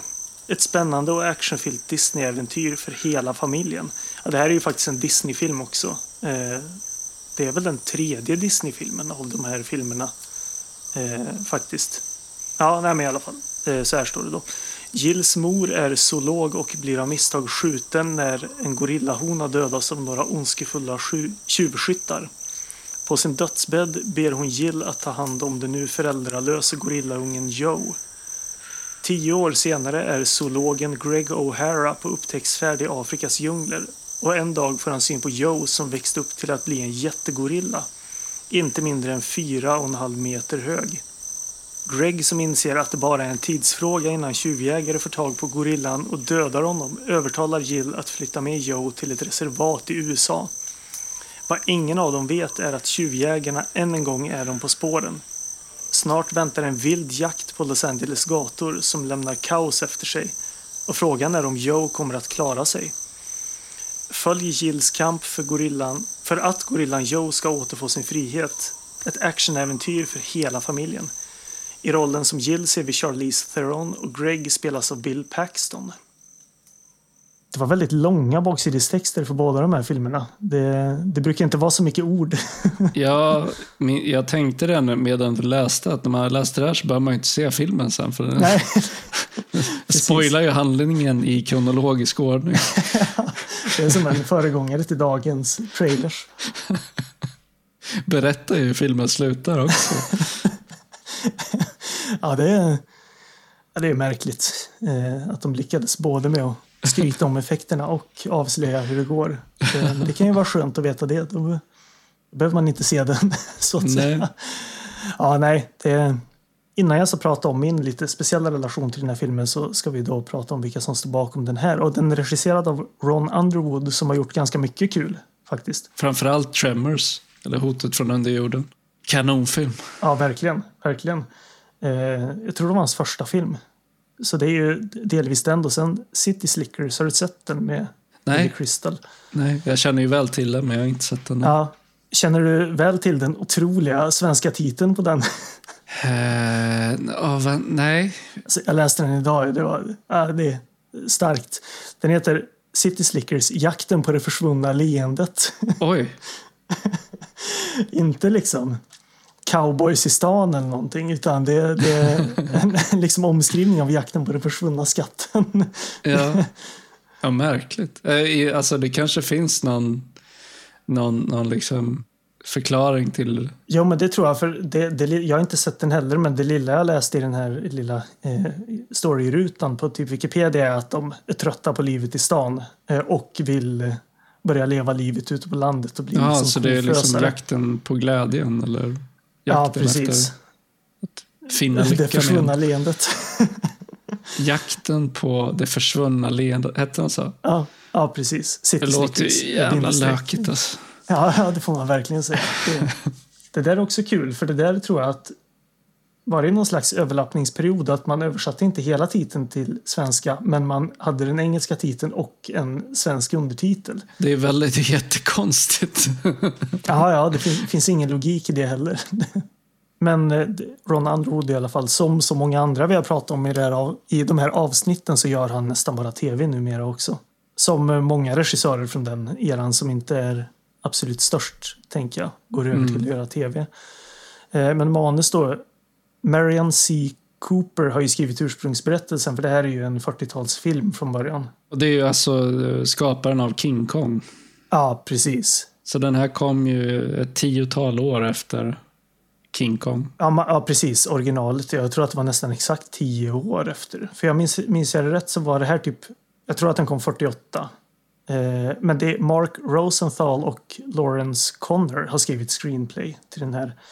De hade väl gjort lite ja, men, diverse, inget sånt här eh, jättestort om jag minns rätt nu. Utan det var, verkar vara liksom... De har skrivit lite strömanus. Eh, Ja, Mark Rosenthal har skrivit manus till Den vilda jakten på juvelen som är uppföljaren till Den vilda jakten på stenen då, eller Romancing Just the. Stone som den hette original. Jag tyckte inte att det, den första filmen var så bra så jag såg aldrig uppföljaren. Jag har inte sett uppföljaren heller. Jag har bara sett första. Han skrev även manus till Nyinflyttade i Beverly Hills, eller eh, Beverly Hillbillies. Ja, just det. Det var också en sån här 90-talsfilm som gick en hel del på tv. Ja, nej men precis. Det, var, det, det verkar vara liksom att de har jobbat på lite diverse filmer. Mm. Men i huvudrollerna då så har vi poddfavoriten, alltid älskade Bill Paxton. Eh, Ja, Som som, vi pratade om i eh, avsnitt 6. Eh, precis. Första Juppis far-avsnittet där han spelar huvudrollen i The Vagrant. The Vagrant som för övrigt nu ska få en fin eh, Arrow-utgåva såg jag bara Ja, för är ett par veckor sedan. Ja, så det, det Kul. får man lägga ut på Instagram. Jag tänkte göra det men glömde bort det. Eh, att eh, nu kan man se The Vagrant i Ja, fin ja, fräsch utgåva liksom. Det måste vi, det måste vi, får vi göra någon, någon specialgrej kring, kring den filmen. Ja, men precis. Jag kommer ju inte köpa den kan jag säga. Nej, inte jag heller. Men den är, den, är, den, den är värd att se och liksom väldigt udda film på många sätt. ja, precis. Ja, nej men eh, Bill Paxton som sagt. Ja, honom har vi ju pratat, alltså vi pratade ju närmare om honom i avsnitt 6, så, så om man vill veta vad vi tänker om honom och sådär så kan man ju gå tillbaka och lyssna på det avsnittet. Mm. Precis. Eh, sen har vi då Charlize Theron som Jill Young. Och sen har vi, ja nu ska jag försöka uttala hans namn. Raid eller Rade Serbeja som Strasser. Eh, den här väldigt ondskefulla ledaren av tjuvjägarna. Men sen så här dyker det upp en hel del ansikten man känner igen. Eh, vi har Peter Firth som man kanske inte känner igen vid namnet men han spelar Garth. Eh, och det är ett ansikte man kan känna igen. Sen även då David Paymer som också en sån skådespelare som dyker upp jättemycket men som jag inte riktigt kan säga någon film som han har varit med i. Eh, men han spelar Harry Ruben, men sen också Regina King som, som har varit med i väldigt mycket. Även på senare tid, bland annat den här väldigt hyllade Watchmen-serien är hon med och hon dyker upp här också. Som en av de här som jobbar i eh, reservatet i USA de kommer till då. Mm. Charlie Theron, vad har du för relation till henne som skådespelare? Egentligen ingen alls, förutom att hon är bra. det, det är en sån här skådespelare som med, med, liksom, med all rätt hyllas hyllas till skyarna, framförallt för de lite mer roliga projekten hon är med i. Men ja. det är aldrig en sån skådespelerska som jag har haft någon, någon liksom specifik stor favorit med. Eh, mer än att jag tycker att hon är väldigt bra nästan i allt man har sett den i. Har du sett den här gamla filmen Monster? Ja, jag tror det, men det var, i så fall så var det hundra år sedan. Eh, så jag, jag, kommer nästan inte ihåg någonting alls. Men det, jag tror att jag har sett den i något skede. För jag har inte sett den, men, men uh, den har alltid funnits liksom i... Jag har alltid varit medveten om att den filmen finns och varit lite intresserad av att se den, men det har inte blivit av. Jag tycker mycket om uh, Young Adult av mhm. Jason mm. Reitman. där de spelar huvudrollen. Den är jättebra. Ganska, ganska dyster men, och sen såg jag även uppföljaren, eller inte uppföljaren då, det är inte en sequel till den, men han gjorde, hon var med i en film som heter Tully som Jason Reitman eh, regisserade också. Den var inte alls speciellt bra. men hon har, hon, har, hon har liksom balanserat lite mellan storfilm och indiefilm på ett mm. rätt härligt sätt som vissa skådespelare gör som eh, är väldigt kul. Hon har ju gjort otroligt många roller. Filmen som, som hon gjorde direkt efter eh, jag och Jättegorillan var ju uh, The Astronaut's Wife med uh, Johnny Depp. Just det. Det är en bra film. Bra så typ sci-fi thriller. Den har jag aldrig sett. Jag tror att det var en sån film som eh, har dykt upp i, en, alltså, när jag, i någon av mina gamla VHS jag har. Eh, var det en eh, trailer i början. Ah, okay. Jag började undra så här, vad är det där för film jag aldrig hört talas om. Eh, nej, men hon, jag ser att hon var ju med i Djävulens advokat också. Ja, eh, precis. Nej, men hur som helst, det, det, är, eh, det är egentligen de i den här filmen som man verkligen känner igen. Mm. Jag känner igen han som spelar Garth också, Peter Firth. Han spelar huvudrollen i en film av Sidney Lumet som heter Equus. Det är alltså en filmatisering av den gamla teaterpjäsen Equus. Mm. som handlar om en, en man som Eh, eller en man, eh, det är en pojke som blir besatt av hästar. En väldigt speciell historia, men jag minns den filmen som, som bra. Det var den eh, pjäsen som Daniel Radcliffe gjorde på scen ganska snart efter att han hade gjort någon av de senare Harry Potter-filmerna. Mm -hmm. Så han har också spelat den rollen. Det känner jag inte till. Det, det jag kände till där Peter Firth hade varit med bland annat var Life Force. Jaha, okej, okay, han var där också. And, andra änden av, av kulturspektrat. Life Force är fantastisk. Ja, den har jag inte sett, men den verkar jäkligt intressant också. Jag har hört mycket bra om den. Ja, den är hur cool som helst. Det, alltså, det, jag fattar att folk inte så att det finns mycket man kan, eh, kan se som negativt i den. Men det, man märker att alla som har varit inblandade har älskat det de har gjort eh, i den filmen. Den är gjord med kärlek. Och det är väldigt kul att se. Mm. Soundtracket för den här eh, filmen är också ganska intressant. Det är James Horner som har gjort det. Och han ja. har gjort eh, musik till bland annat Aliens återkomsten, 48 timmar, Commando, Braveheart, Älsklingar krympte barnen. Eh, och Titanic, det, det, är kul, det är han som skrev den här dunderhitten My Heart Will Go On som, som Celine Dion gjorde liksom succé med. Jaha, det var han som skrev den till och med? Det är han som skrev den. Det är ganska roligt. Han var, det, det var James Camerons guy bland annat uppenbarligen. Ja. Eh, jag tror att eh, han gjorde liksom musik även till de här riktigt, riktigt tidiga James Cameron-filmerna som han gjorde under vad heter han nu då, den här producenten som så många, alltså B-filmsproducenten som så många regissörer har typ gått i skola hos. Roger Corman, så heter han. Eh, var, han eh, var producent, producerade en miljon filmer om året i stort sett. Men mm. vad som är speciellt med honom är att han hade ju verkligen ett öga för duktiga regissörer. Så alla ifrån liksom James Cameron till Joe Dante till eh, Jonathan Demme, alltså Mm. När lammen tystnar och så vidare, har alla gjort typ Ja, James Cameron gjorde Piranha 2 eh, och Joe Dante gjorde några andra B-filmer. Men det är så många av de här som...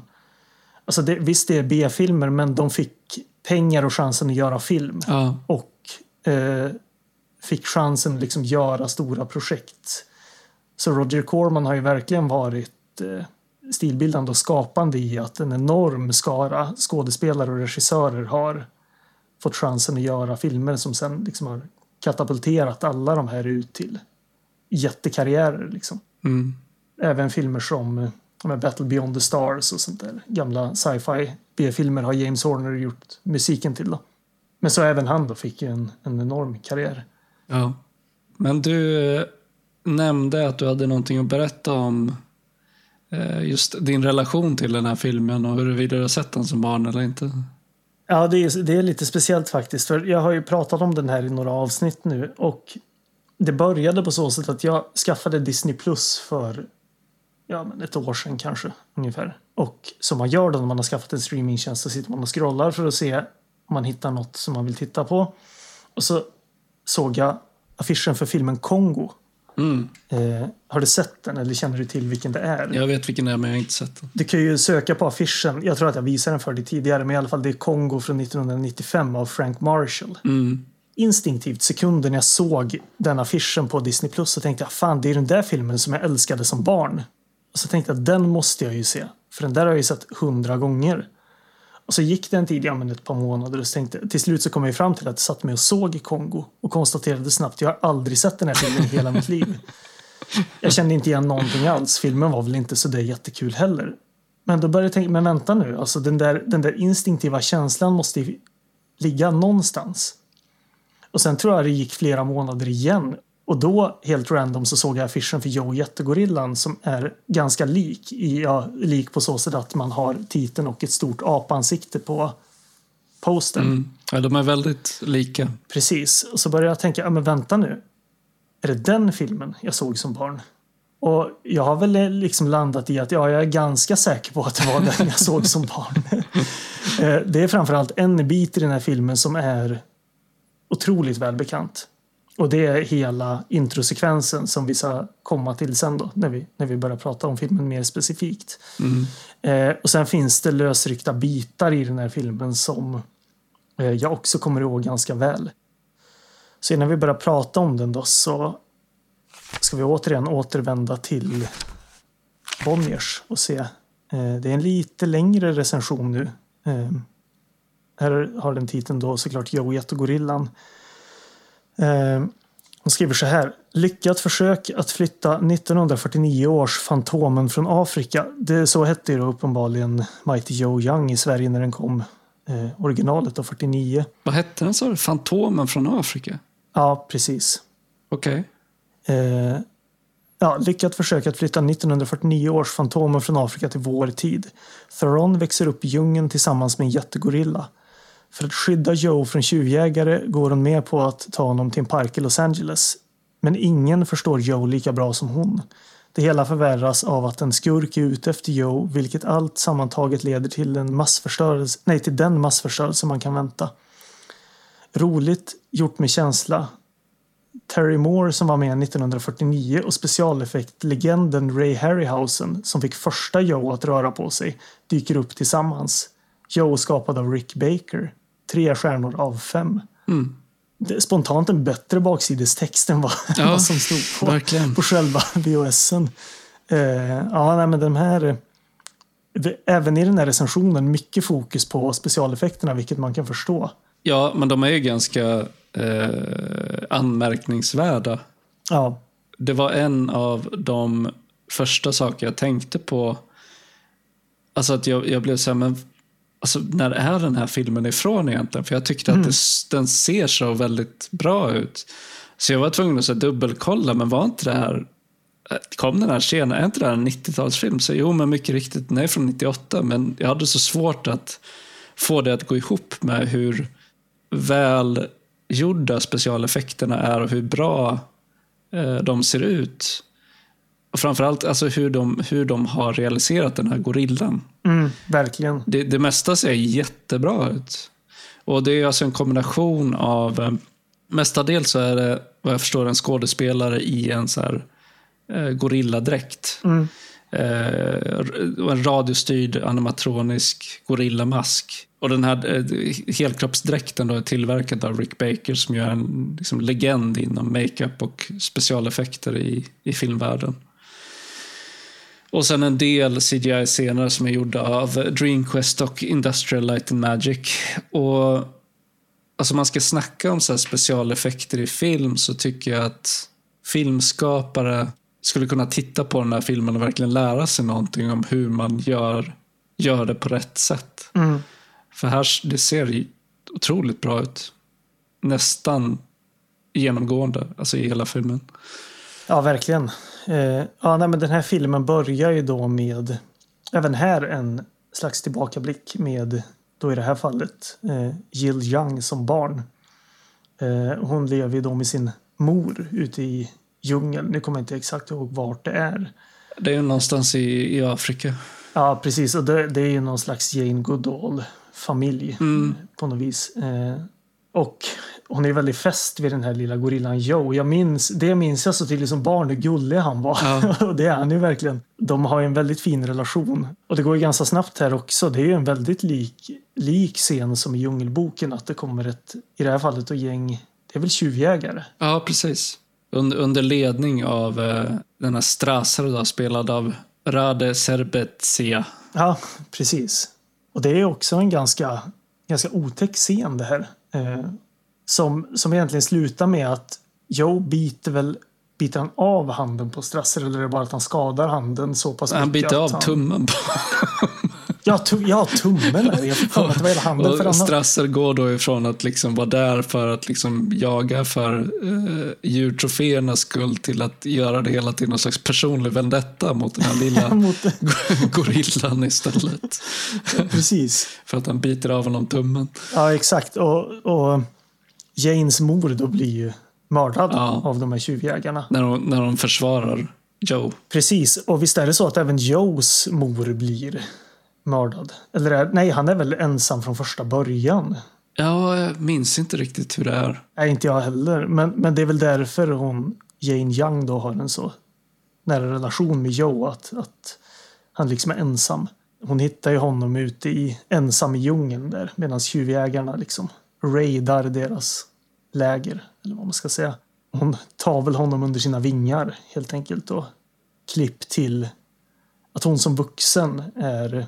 Nej, det är egentligen klipp till att vi introduceras till Bill Paxton. Mm. Som jag inte minns vad han, han är definitivt inte tjuvjägare utan han är någon slags liksom, forskare. Ja, alltså han är ju någon slags Indiana Jones-karaktär. Ja. Men istället för att liksom jaga artefakter så, så ger han sig ut för att hitta utrotningshotade djur eller my- mytomspunna varelser i, i liksom olika djungelmiljöer runt om i världen. Så han är ju utsänd av det här reservatet i Kalifornien eh, för att hitta, hitta den här mytomspunna apan som enligt legenden ska bo högt uppe på ett berg i, i den här afrikanska djungeln. Då.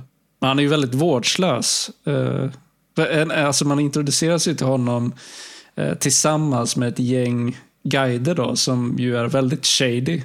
Och, och Han liksom kontrollerar deras bakgrund genom att fråga eh, ledaren för det här gänget. Så här, men du är säker på att de inte är några tjuvjägare? Liksom. Han säger nej, nej, nej, de är inga tjuvjägare. Så, här, och det är som, då accepterar han det rakt av bara.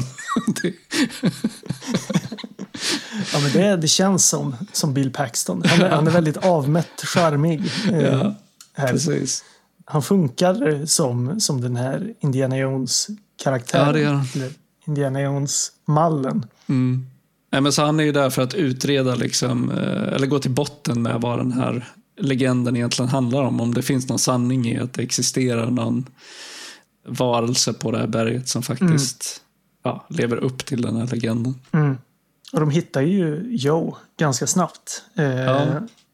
Det är också en rätt mäktig scen när han lyfter väl upp den här jeepen de åker i. Och eh, de blir ju ganska skakade. Ja, verkligen.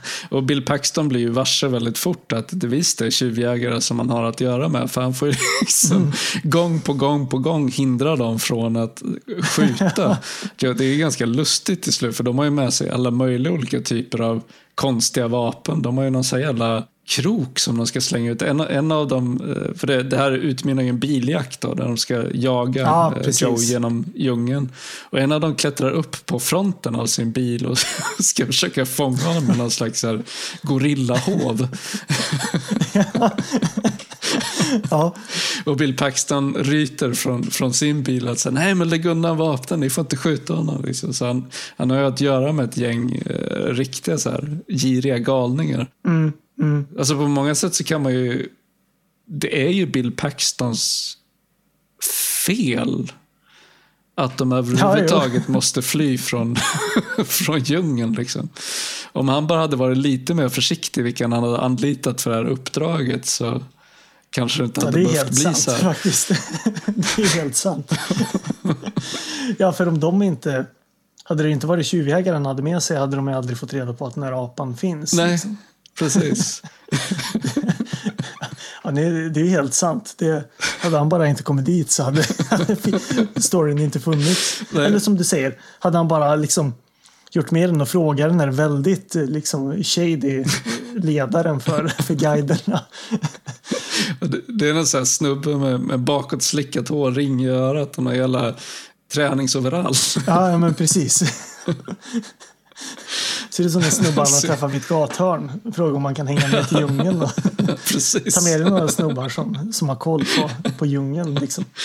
Om man ska jämföra dem lite med samma gäng som är med i Djungel-George så kan man väl säga att om man ska se att det finns någon slags eh, problematisk växel man vill dra här så kan man väl säga att den här filmen i stort kanske är kanske hade varit i behov av samma liksom självreflekterande ådra som Djungel-George har. Mm.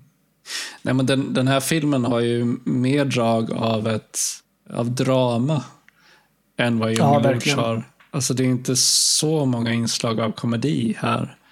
Det, det är ju Nej. mer ett, ett ren, en ren dramafilm. Drama-äventyrsfilm. Liksom. Eller det påstås att det är en äventyrsfilm. Den är ju inte så särskilt äventyrlig i slutändan. Nej, det är också en grej vi ska prata om. Eh, och just då i relation till det här också att man benämner den som en som ett epic adventure. Ja. Ja, men Bill Pax, han är i alla fall, när, när han liksom får reda på att, att uh, den här uh, apan finns på riktigt så försöker han ju övertyga Charlie Theron då, som är Eh, gorillans beskyddare att eh, ja, men ni, ni, ni, borde hänga med mig tillbaka till Kalifornien för där kan eh, Joe leva i säkerhet i det här reservatet som vi har för honom. Och alltså finns det inga reservat i Afrika? Nej, precis. Istället ska de ta honom över halva världen för att han ska bo i något så här litet skitreservat i Kalifornien. Det I Afrika bor det bara tjuvjägare, det vet ju alla. så att säga. Eh, ja, nej, det, det, är också märkligt liksom. Så det är som att hela premissen för den här filmen är lite korkad på något sätt. Ja, ja precis. Det är det enda stället i världen som man kan, som man kan leva gott och fritt på. Det är ju USA givetvis. Land of the free. Nej, men han träffar ju på Charlize Theron så, och han givetvis Åh, en ung tjej, hon kan ju inte ha koll på läget.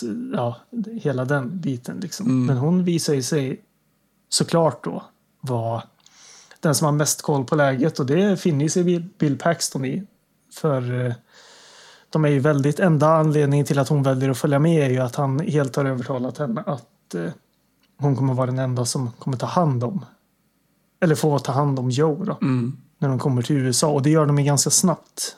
Sen när han har lyckats övertala henne att ja, men det är de här tjuvjägarna bara ute efter att ta med sig Joe till, ja, göra honom till någon slags cirkus. Mm. Cirkusattraktion. Alla King Kong då såklart. Så de skeppar honom över hela halva jordklotet och eh, kommer till det här eh, eh reservatet som han jobbar på. Och här stannar ju filmen upp totalt tyvärr. ja det är det som är, här kommer vi till problemet. Liksom. Eh, att eh, det, är en, det är en väldigt, alltså den här början är riktigt bra. Eh, och till skillnad lite då från Djungelboken tycker jag så är både den här tillbakablicken och sen också första akten med Bill Paxton med biljakter och så vidare riktigt bra. Ja, den, den biljaktscenen är skitbra. Och sen så kommer man till det här reservatet och filmen bara stannar upp och den känns också otroligt liten för man lämnar aldrig det här reservatet Nej. heller. Och reservatet i sig känns väldigt litet för du får aldrig se någon annan del av det förutom den här lilla liksom plätten så, som då blir Joes. Och de påstår att det ska vara ett så stort reservat men du ser inga andra djur där. Nej, precis. Så det, det, och det är där jag tänker på det här att man benämner det som ett epic adventure är liksom raka motsatsen. Att det snarare filmen känns ganska instängd. Ja. Då, ja, tematiskt bra då, sett till att, att Joe är instängd. Men, men alltså fi, filmen känns liten på något konstigt sätt. Ja, det är mer som en so so skildring av en kvinna som kan tala med gorillor. ja, ja, men precis. Och egentligen det enda riktigt som händer i den här delen av filmen är ju den här stora banketten de har. När de ja, men mer eller mindre ska visa upp då eh, hur, ja, men hur bra det här reservatet är och att de har lyckats eh, ja, men ha Joe här då framförallt. Och då har jag också Strasser med och kompani liksom nästat in sig där och de har ju med sig någon slags skrämma som Joe känner, kommer ihåg då från när han var barn. Som de skrämde, skrämde honom med då tidigare. Ja, för de har ju sett att den här Joe och uh, Jill Young, då, Charlize Theron, att de har kommit till USA och hans Strasser känner igen dem som den här gorillan som bet av honom tummen och uh, Ja, han känner precis. igen henne som, som den här forskarens dotter. Liksom. Och eh, han har ju fortfarande efter alla dessa år ett horn i sidan till den här gorillan som, Ja, som, som bet av honom tummen. Eh, så, så han ger sig ut på en hämndaktion och också för att han tänker att han ska kunna tjäna pengar på den här gorillan. Men de vill ju fånga gorillan och döda honom. Ska de liksom sälja kroppsdelarna som troféer eller är det köttpriset Ja, de det är är ute efter? bra För han fråga. borde ju vara Ja. mer värd levande för dem än som, som död. eller, men är det inte att han har Jo, just det, för de säljer ju organ Ja. på svarta marknaden. Ja. de säljer djurorgan på svarta marknaden. Man kan ju tycka då ja, att den här liksom helt otroligt unika, enorma gorillan borde kunna vara värd mer pengar då i, i levande form. Ja, en som liksom att de ska sälja honom som köttbitar. Ja, precis. Så Ja, nej, det är ju märkligt alltså. Planen är lite grumlig. Ja, nej men precis. Han känner ju igen då Jill Young och den här gorillan som, som han har haft en vendetta genom hela livet mot. Eh, men hon känner ju inte igen honom. Och i och med då att de skrämmer Joe under den här banketten och han ja, goes bananas så att säga. Eh, så, så blir det ju liksom tvärtom igen att de måste ta honom därifrån för annars så kommer de väl typ behöva avliva honom i och med att han har ställt till med allt det här. Han är inte säker liksom. Så då kommer ju Strasser i sin tur och, och övertalar Jill om att han har ett reservat i Afrika som han liksom, du måste ta med honom nu så att vi kan rädda honom. Det hör ju till saken också då att han har ju dolt sin hand i rock, rockfickan när de såg honom första gången så hon hon känner ju inte igen den här mannen alls i och med att hon inte kan se hans Freddy Krueger-handske. med den där tum, tum eh, liksom. Och sen då så hittar ju, eh, hittar ju Bill Paxton, eh, eller de som har, liksom har städat upp efter det här, hittar den där skrämman. Eh, Bill Paxton inser, jävlar det är Strasser och tjuvjägarna som har eh, övertalat Jill om att ta med, ta med Joe liksom tillbaka. Och vi är ju redan inne på tredje akten. Ja, men det- filmen är alltså, snart återigen, det har, Ja, och det har ju, har ju med saken att göra liksom. Att det händer inte så mycket. Nej. Den här liksom mitten 45 minuterna är inte mycket mer än att Bill Paxton och Charlize Theron blir kära i varandra. Mm. Joe, Joe trivs inte eh, i sitt nya reservat. Liksom. Nej, precis. Alla är väldigt amazed av, av Joe. Eh, och han ställer till med kaos på den här banketten. Det, det händer inte så mycket mer än så. Av intresse, tyvärr. Eh, och sen när man kommer till tredje akten och den här jakten börjar, det är ju då det börjar bli intressant igen. För då kommer ju de här bitarna som jag minns som allra mest också från den här filmen. Ja, nej, men då är det ju spännande igen. Det, är, det är bra liksom. När Joe släpps lös på det här eh, nöjesfältet. Mm. Och det blir liksom effektbonanza. Vilket man märker att det, det var det här de ville göra eh, genom hela den här filmen. För då har man ju både liksom när han hänger väl i det här Parishjulet. Ja visst, han klättrar upp där för att rädda en liten pojke högst upp i Parishjulet. Precis, det är då man får se att Joe egentligen inte är ett, ett monster. Eh, utan han är ju den goda i det här. Jag kommer så otroligt väl ihåg eh, den specifika scenen att han krossar en bil för att stänga av ett billarm eh, som börjar tjuta. Det är också otroligt välgjort. Ja. Han slår ju till den flera gånger. Till slut så sätter han sig på den liksom, för att Ja, precis. få, få tyst på den. Han klättrar ju upp, upp på eh, någon, också en, en blinkning till King Kong givetvis. Han klättrar upp på någon slags här reklamskylt. Mm. Han är väl i typ eh, Chinatown tror jag, så han klättrar upp på, Ja, just det. på toppen Precis. av ett, eh, jag vet inte om det är en restaurang eller något sånt där. Och sen står han där och slår sig för bröstet och skriker. Mm. Ja, men det, är- det är ett väldigt liksom, spektakulärt avslut på den här filmen som den också behövde, utan, alltså definitivt. Ja, alltså, och sen slutar ju filmen med att eh, Joe, de tar med Joe tillbaka till Afrika och de har startat eh, Joe Young Reservation, tror jag. Ja, alltså de startar ju en insamling här på det här tivolit eh, precis efter att ja han har just räddat den här pojken. Så liksom börjar ju alla eh, besökare på tivolit chippa in med sina fickpengar. och säga, men jag har också Ja, lite precis. pengar här som du kan få till, till att starta det här reservatet. Och, eh, uppenbarligen så gick den här pengainsamlingen väldigt bra då, för att det, det blir ett reservat i slutändan. Sen är det ju väldigt, eh, o, ja, det, reservatet, det, det är på, på den, för de åker ju hem med honom. Så gör de om den här, hans ursprungliga hem till ett reservat. Alltså. För att hela grejen var väl att de var rädda för tjuvjägare där. Att det var därför de skulle ta honom därifrån. För att, men eh, det räcker med att slå upp en skylt om att nu är det här ett reservat, det kommer inga tjuvjägare längre. Precis. ja, ja, nej, det, det, det finns många plot som man kan... Ja, men nu är det ett reservat här, det kan ni se på skylten, det står ju där. Här får ni inte skjuta. Det, nej, exakt. Det, det vet ju vilken laglydig person som helst att så kan ni inte hålla på. ja, nej, och där är filmen slut. Ja, och ärligt talat så jag har inte så jättemycket mer att säga om den än så faktiskt. Nej, det, det ligger ju i, i sakens natur att det här är ju anledningen till att jag inte minns så mycket mer än de väldigt få delarna som jag tyckte mycket om. Och det är ju tyvärr att den här filmen inte är så minnesvärd. Förutom vissa delar som är jättebra. Ja, liksom, exakt. Men, men eh, de, Exakt. är, eh, de är inte så många. Nej, och problemet är ju det att man har en ganska lång mittenakt som inte är speciellt bra.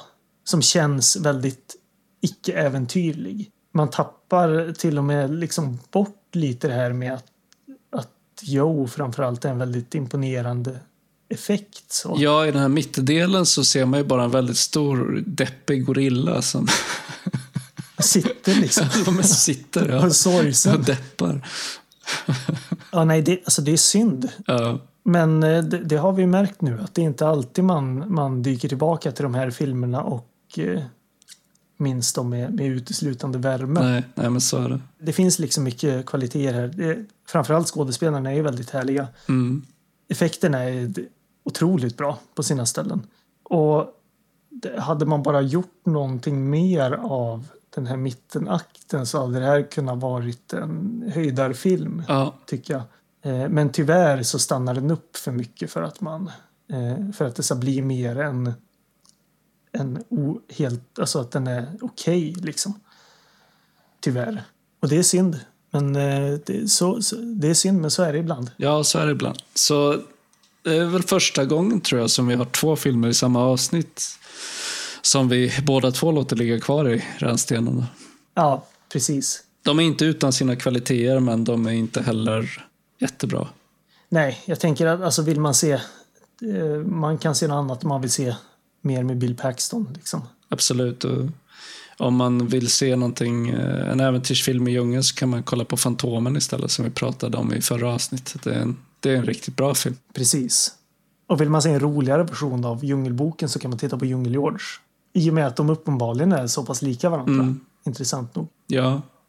Och vill man se en, en eh, liksom, dra dramatisk version av samma typ av historia då kan man lika gärna se Tarzan. För jag menar, det är ju, både, både Djungel-George och Djungelboken har ju mer med Tarzan att göra än vad Djungelboken ja. har med Djungelboken att göra. Finns det någon Tarzan-filmatisering från den här eran också? För det har ju de här riktigt gamla med, vad hette han nu? Johnny Weissmuller. Ja, precis. Precis. Eh, men för man har ju givetvis ja, Disneys Tarzan från 99, men jag tänker, tänker liksom om det finns eh, något liknande som de här filmerna. Eh, som har gjort ett försök. Men jag kan inte minnas det riktigt. Nej, vi har ju eh, Tarzan och den förlorade staden från 1998 med Casper Van Dien i huvudrollen. Just det, den är kungen från Starship Troopers. och det finns även en eh, Tarzan-film som heter Greystock, legenden om Tarzan, apornas konung från 84 med Christopher Lambert som Tarzan. Den har jag faktiskt sett, mm. men jag såg bara eh, den inledande delen för den var så jävla dålig. Så det, men den försökte sig på en mera, om jag minns rätt så försökte den sig på en mer eh, realistisk skildring av livet i djungeln för en mancub. Mm.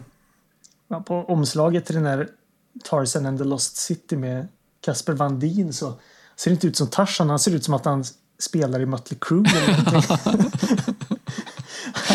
ja, eller Poison. Han, typ. väldigt, han har så här... väldigt uh, välkammat fönat hår. Precis.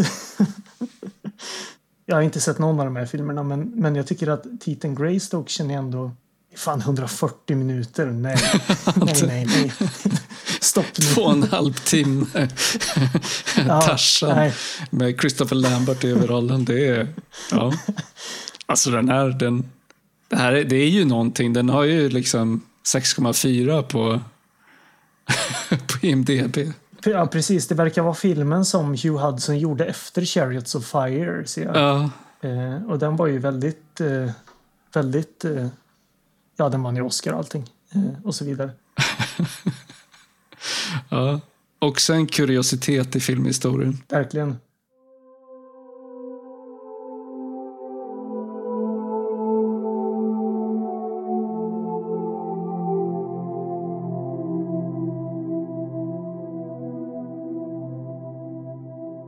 Vi har ju tänkt att avrunda Eh, det här avsnittet och det här temat, vår barndomsdjungel, med att eh, eh, sammanställa en lista över vad de här filmerna har lärt oss om djungeln. Så mm. det här är alltså Rännstensrullarnas guide till djungellivet. Precis. Vill du börja? Okej, så min första punkt i varje djungels hjärta finns en mytomspunnen primat. Mm. Ja, men det är ju bra. För vi har det ju eh, dels i Djungelboken då. Du har King Louie där eh, i Monkey mm. City. Eh, som ju regerar över sitt lilla eh, apvälde i djupet av djungeln. Och i Djungel-George så är det ju, ja men det är ju George själv liksom. Han kallas ju mm. för The mm. White Ape. Just det. Eh, i Fantomen så är det ju Fantomen. För jag menar, han är ju djungelns konung också och är ju en mm. primat. Och sen eh, i eh, Joe Jättegorillan så är det ju såklart Joe. Ja, precis. Så det här är, så, så är det. Eh, I varje djungelshjärta finns en mytomspunnen primat. Mm, jag har ju första regeln här då. Djungelboken här blir då undantaget som bekräftar regeln. Man kan aldrig lita på en hängbro. Nej, men det, hade jag, det, det har jag också tagit med. Jag, jag, skrev att hängbroar är väldigt ömtåliga skapelser, känsliga för stress. Precis. Alla de här hängbroarna är ju uppenbarligen byggda för hundratals år sedan. Mm. Eh, det här, det finns ingen, liksom, man kan tycka att det finns användning för dem även idag uppenbarligen, men ja, nej, det, det här med underhåll av liksom, eh, infrastruktur ute i djungeln, det är ingenting man sysslar med. Vart är liksom eh, eh, alltså Vägverket och så här i Ja, djungeln precis. som, som ser till att det finns fräscha brädor på de här, på de här hängbroarna. Jag måste ut och lappa den där jävla hängbron igen. Nej, precis. Det är ingen, ingen som skriver arga insändare.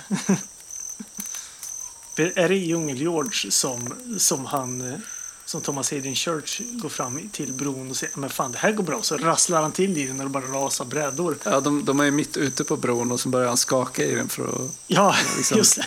Visa att ja, men det här är, det är, den är supersäker. Liksom. Ja, precis. det är då Ja. en av de här guiderna faller ner. Ja, just det. Just det. Ja. Kanonscen.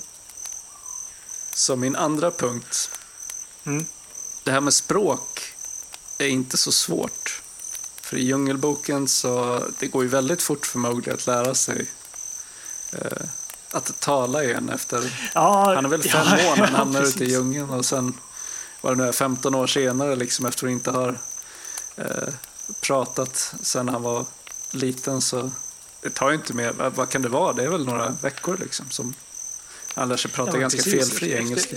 Efter fyra, fem dagar så har man liksom vanlig, vanlig grammatik klar. Liksom. Ja. Och eh, motsvarande fenomen finns ju även i Djungel-George där George eh, överhuvudtaget inte verkar ha några som helst problem med att tala. Jag vet inte om det är hans kompis apan som har lärt honom att, att prata fläckfri engelska, men då blir ju istället frågan vart apan har lärt sig det ifrån. Ja, och jag menar stämbanden måste ju inte ha utvecklats normalt för de här människorna egentligen. De borde inte ha gjort det. Eh, Så, ja, nej, precis. Det, det var inte så, så avancerat. Och ett, ett par eh, veckor där är jag med. Med någon lärd man så Ja. går det ganska snabbt. Och även i Joe Jättegorillan, så även om Joe inte pratar så är det väldigt uppenbart att han förstår precis vad Charlize Theron säger till honom. Ja, ja men precis. Eh, ska vi ta det i nästa då? Mm. Då, eh, den här är lite mer specifik, men då har jag skrivit så här. Se upp för djungelrötter. Efter hundratals år av evolution är de exakt formade för att en sko ska kunna haka i dem. Och det en, en, liksom, en länk till det är också att det är också alltid så att det kommer ligga något otäckt bakom de här djungelrötterna.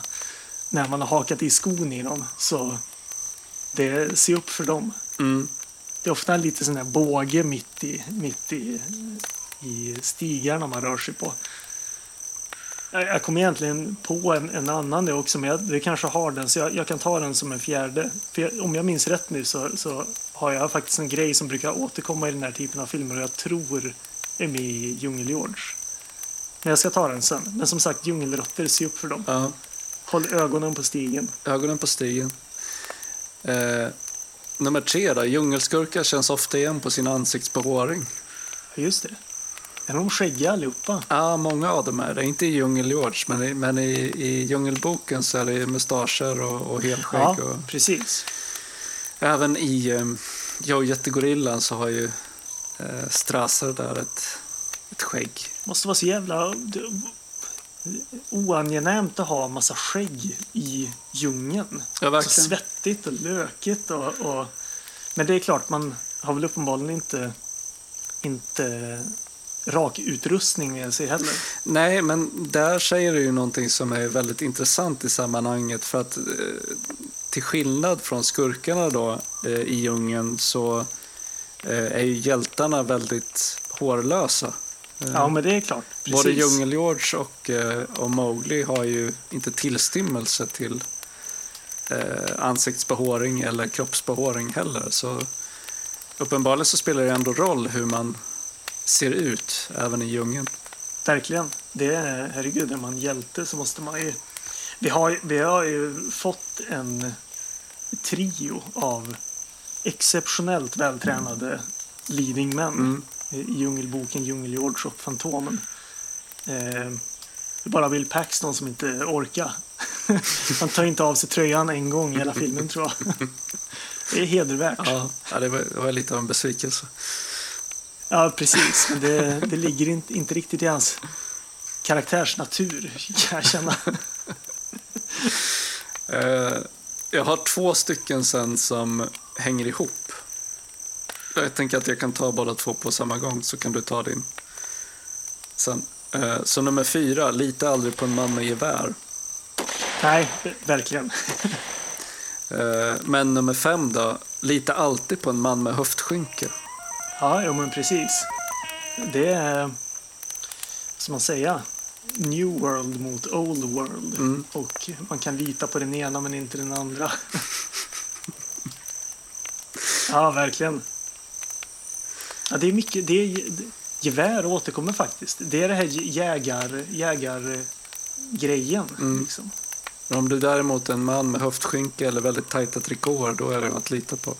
Ja, verkligen. Men de har inget att dölja heller. Det är Nej, det. precis. Man, det. Det, man är nästan helt liksom icke-dold. Mm. Bokstavligen. Ja, ja precis. precis. Både bokstavligen och eh, implicit. man ju så säga. Ja, vad är din, din nästa? Det är att djungeln blir linnekläderna aldrig skitiga. Ja, det måste vara väldigt praktiskt. Det. Jag förstår att man är eh, linneklädd med att det andas och så. Men det är också, ja, måste också vara väldigt behagligt med de här eh, ja, men pojken med guldbyxorna, eh, linnekläderna som, fast istället för att man rycker pengar ur dem så blir de aldrig fläckiga. Jag menar, en man kan ju inte ha ljusa byxor på sig i stan utan att de blir fläckiga. Nej. Men eh, i djungeln så är de konstant liksom kaki eller bärsfärgade. Mm. Nej, de är inte skrynkliga eller så heller. Det är liksom varken skrynklar Nej. eller fläckar. De har rätt luftighet, fläckfria. Det, ja. Så nummer sex. Sträck ut din hand och finn en lian. Mm. Man är ju aldrig riktigt i fara. Det finns alltid någonting att grabba tag i. Speciellt i, i Precis. djungeljord så är det ju lianer högt och lågt. Eh, och många, det finns ju roliga scener i djungeljord där han svingar över väldigt stora öppna fält. Ja, så, vad fan, vad fäster lianen i? precis. Nej, men det, var, det var det jag tänkte på faktiskt förut när jag sa att jag hade en, en till tanke och det är att kan man alltid lita på lianerna? För det kan ju också vara ormar som hänger ner. som Just man rycker tag i. Visst är det en scen i Djungeljord där han rycker tag i en orm Ja, det är det. eh, som man tror är en lian? Och det där är också återkommande, inte i de filmerna vi har pratat om, men i andra djungelfilmer. Ja. Att eh, antingen är det en lian, men det kan också vara en orm som hänger ner. Man kan inte lita blint på att bara sträcker ut en hand så får du tag på en lian. Du Man måste kanske ska titta på lianen för först. Nej, precis, precis. Men eh, jag håller med om det där att eh, öppna fält eller tät skog, det, det finns alltid en lian och, och lita på att det, det finns något där att hängas i. Ja, I vissa fall så måste det vara så att de sträcker sig ända upp till himlen. Liksom. Ja, precis. Det är svårt att se, se liksom hur gravitationen, hur det funkar annars. Nummer sju. Det pålitligaste färdmedlet är alltid elefanten. Mm. För bilar går sönder, hästar blir trötta eller rasar omkull. Eller får pan- panik och springer liksom. De, de stegrar och springer iväg. Mm. Men elefanten kan man alltid lita på. Vad än Sam Neill säger i Djungelboken, men de tar dig alltid till din destination. Ja. Har vi elefanter i något mer? Ja, givetvis i Djungeljord såklart. Där kan vi verkligen lita på elefanten Ja. också. Eh, hade du några fler punkter? Nej, det, nu hade jag slut. Okej, men då tar jag, då tar jag mina eh, två resterande. Nummer nio då. Eh, vilda djur är bara farliga för ondsinta människor. Ja, det är intressant det där att det är aldrig... Det är som att de vet att eh, ja, men det här är ju huvudskådespelarna i, i den här filmen. Ja, den där är godhjärtad, den kan ju inte käka. Fast å andra sidan, hur mycket, hur mycket kött är det på typ Brendan Fraser då? Nej, Eller precis. Fraser, nu ska jag inte gå i samma fälla igen. Nu var jag nära där. Men det är inte så mycket kött på varken Brendan Fraser eller, eller Billy Zane för den delen. Nej, Det är klart, det är mycket, det är mycket alltså, eller inte så mycket fett ska sägas, men muskler är ju... det kanske, det kanske är en medveten strategi från de här karaktärernas sida. Alltså de är Just så jävla deffade för att inte vara aptitretande för de här djuren som de omger sig med. Det är för, det är för mycket ben. Det är det. Men jag är så benig, du vill inte äta mig. När de här feta tjuvjägarna kommer så är det... Det är mer att tugga i sig. Ja, men det är fullt rimligt ändå. Ja. Det, det finns nog mer djupgående, djupgående tänk bakom det där än att bara vara snygg på film. Ja, precis. Det, det handlar inte bara om att vara snygg och inoljad utan det är liksom... Nej, Du, du behöver svälta dig själv för att eh, dina vänner eh, i djungeln inte ska tjacka upp dig. precis. precis. Eh, och nummer 10 var det här som jag nämnde, att skylten gör reservatet. Alltså det var väl därför pengarna räckte till att skapa ett reservat i slutet på Jojet och Gorillan, för det de spenderade på var den här reservatsskylten. Och därmed finns ett reservat. Jag tänkte inte ens på om det var något stängsel runt. Nej, nej det är bara ett jättestort eh, naturområde. Liksom. Ja, men hur mycket kostar den där skylten då? Ja, den var nog dyr. Den var ju fin. Ja, Men vad fan, det är, det är så hundratusentals dollar för, för den här träskylten.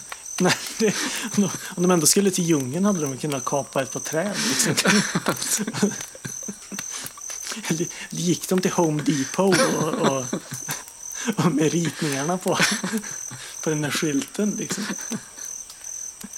Ja, nej, men precis. De, de sätter den där och då är det ju Då är det ett reservat. that's it. Och då är det lugnt. Ja.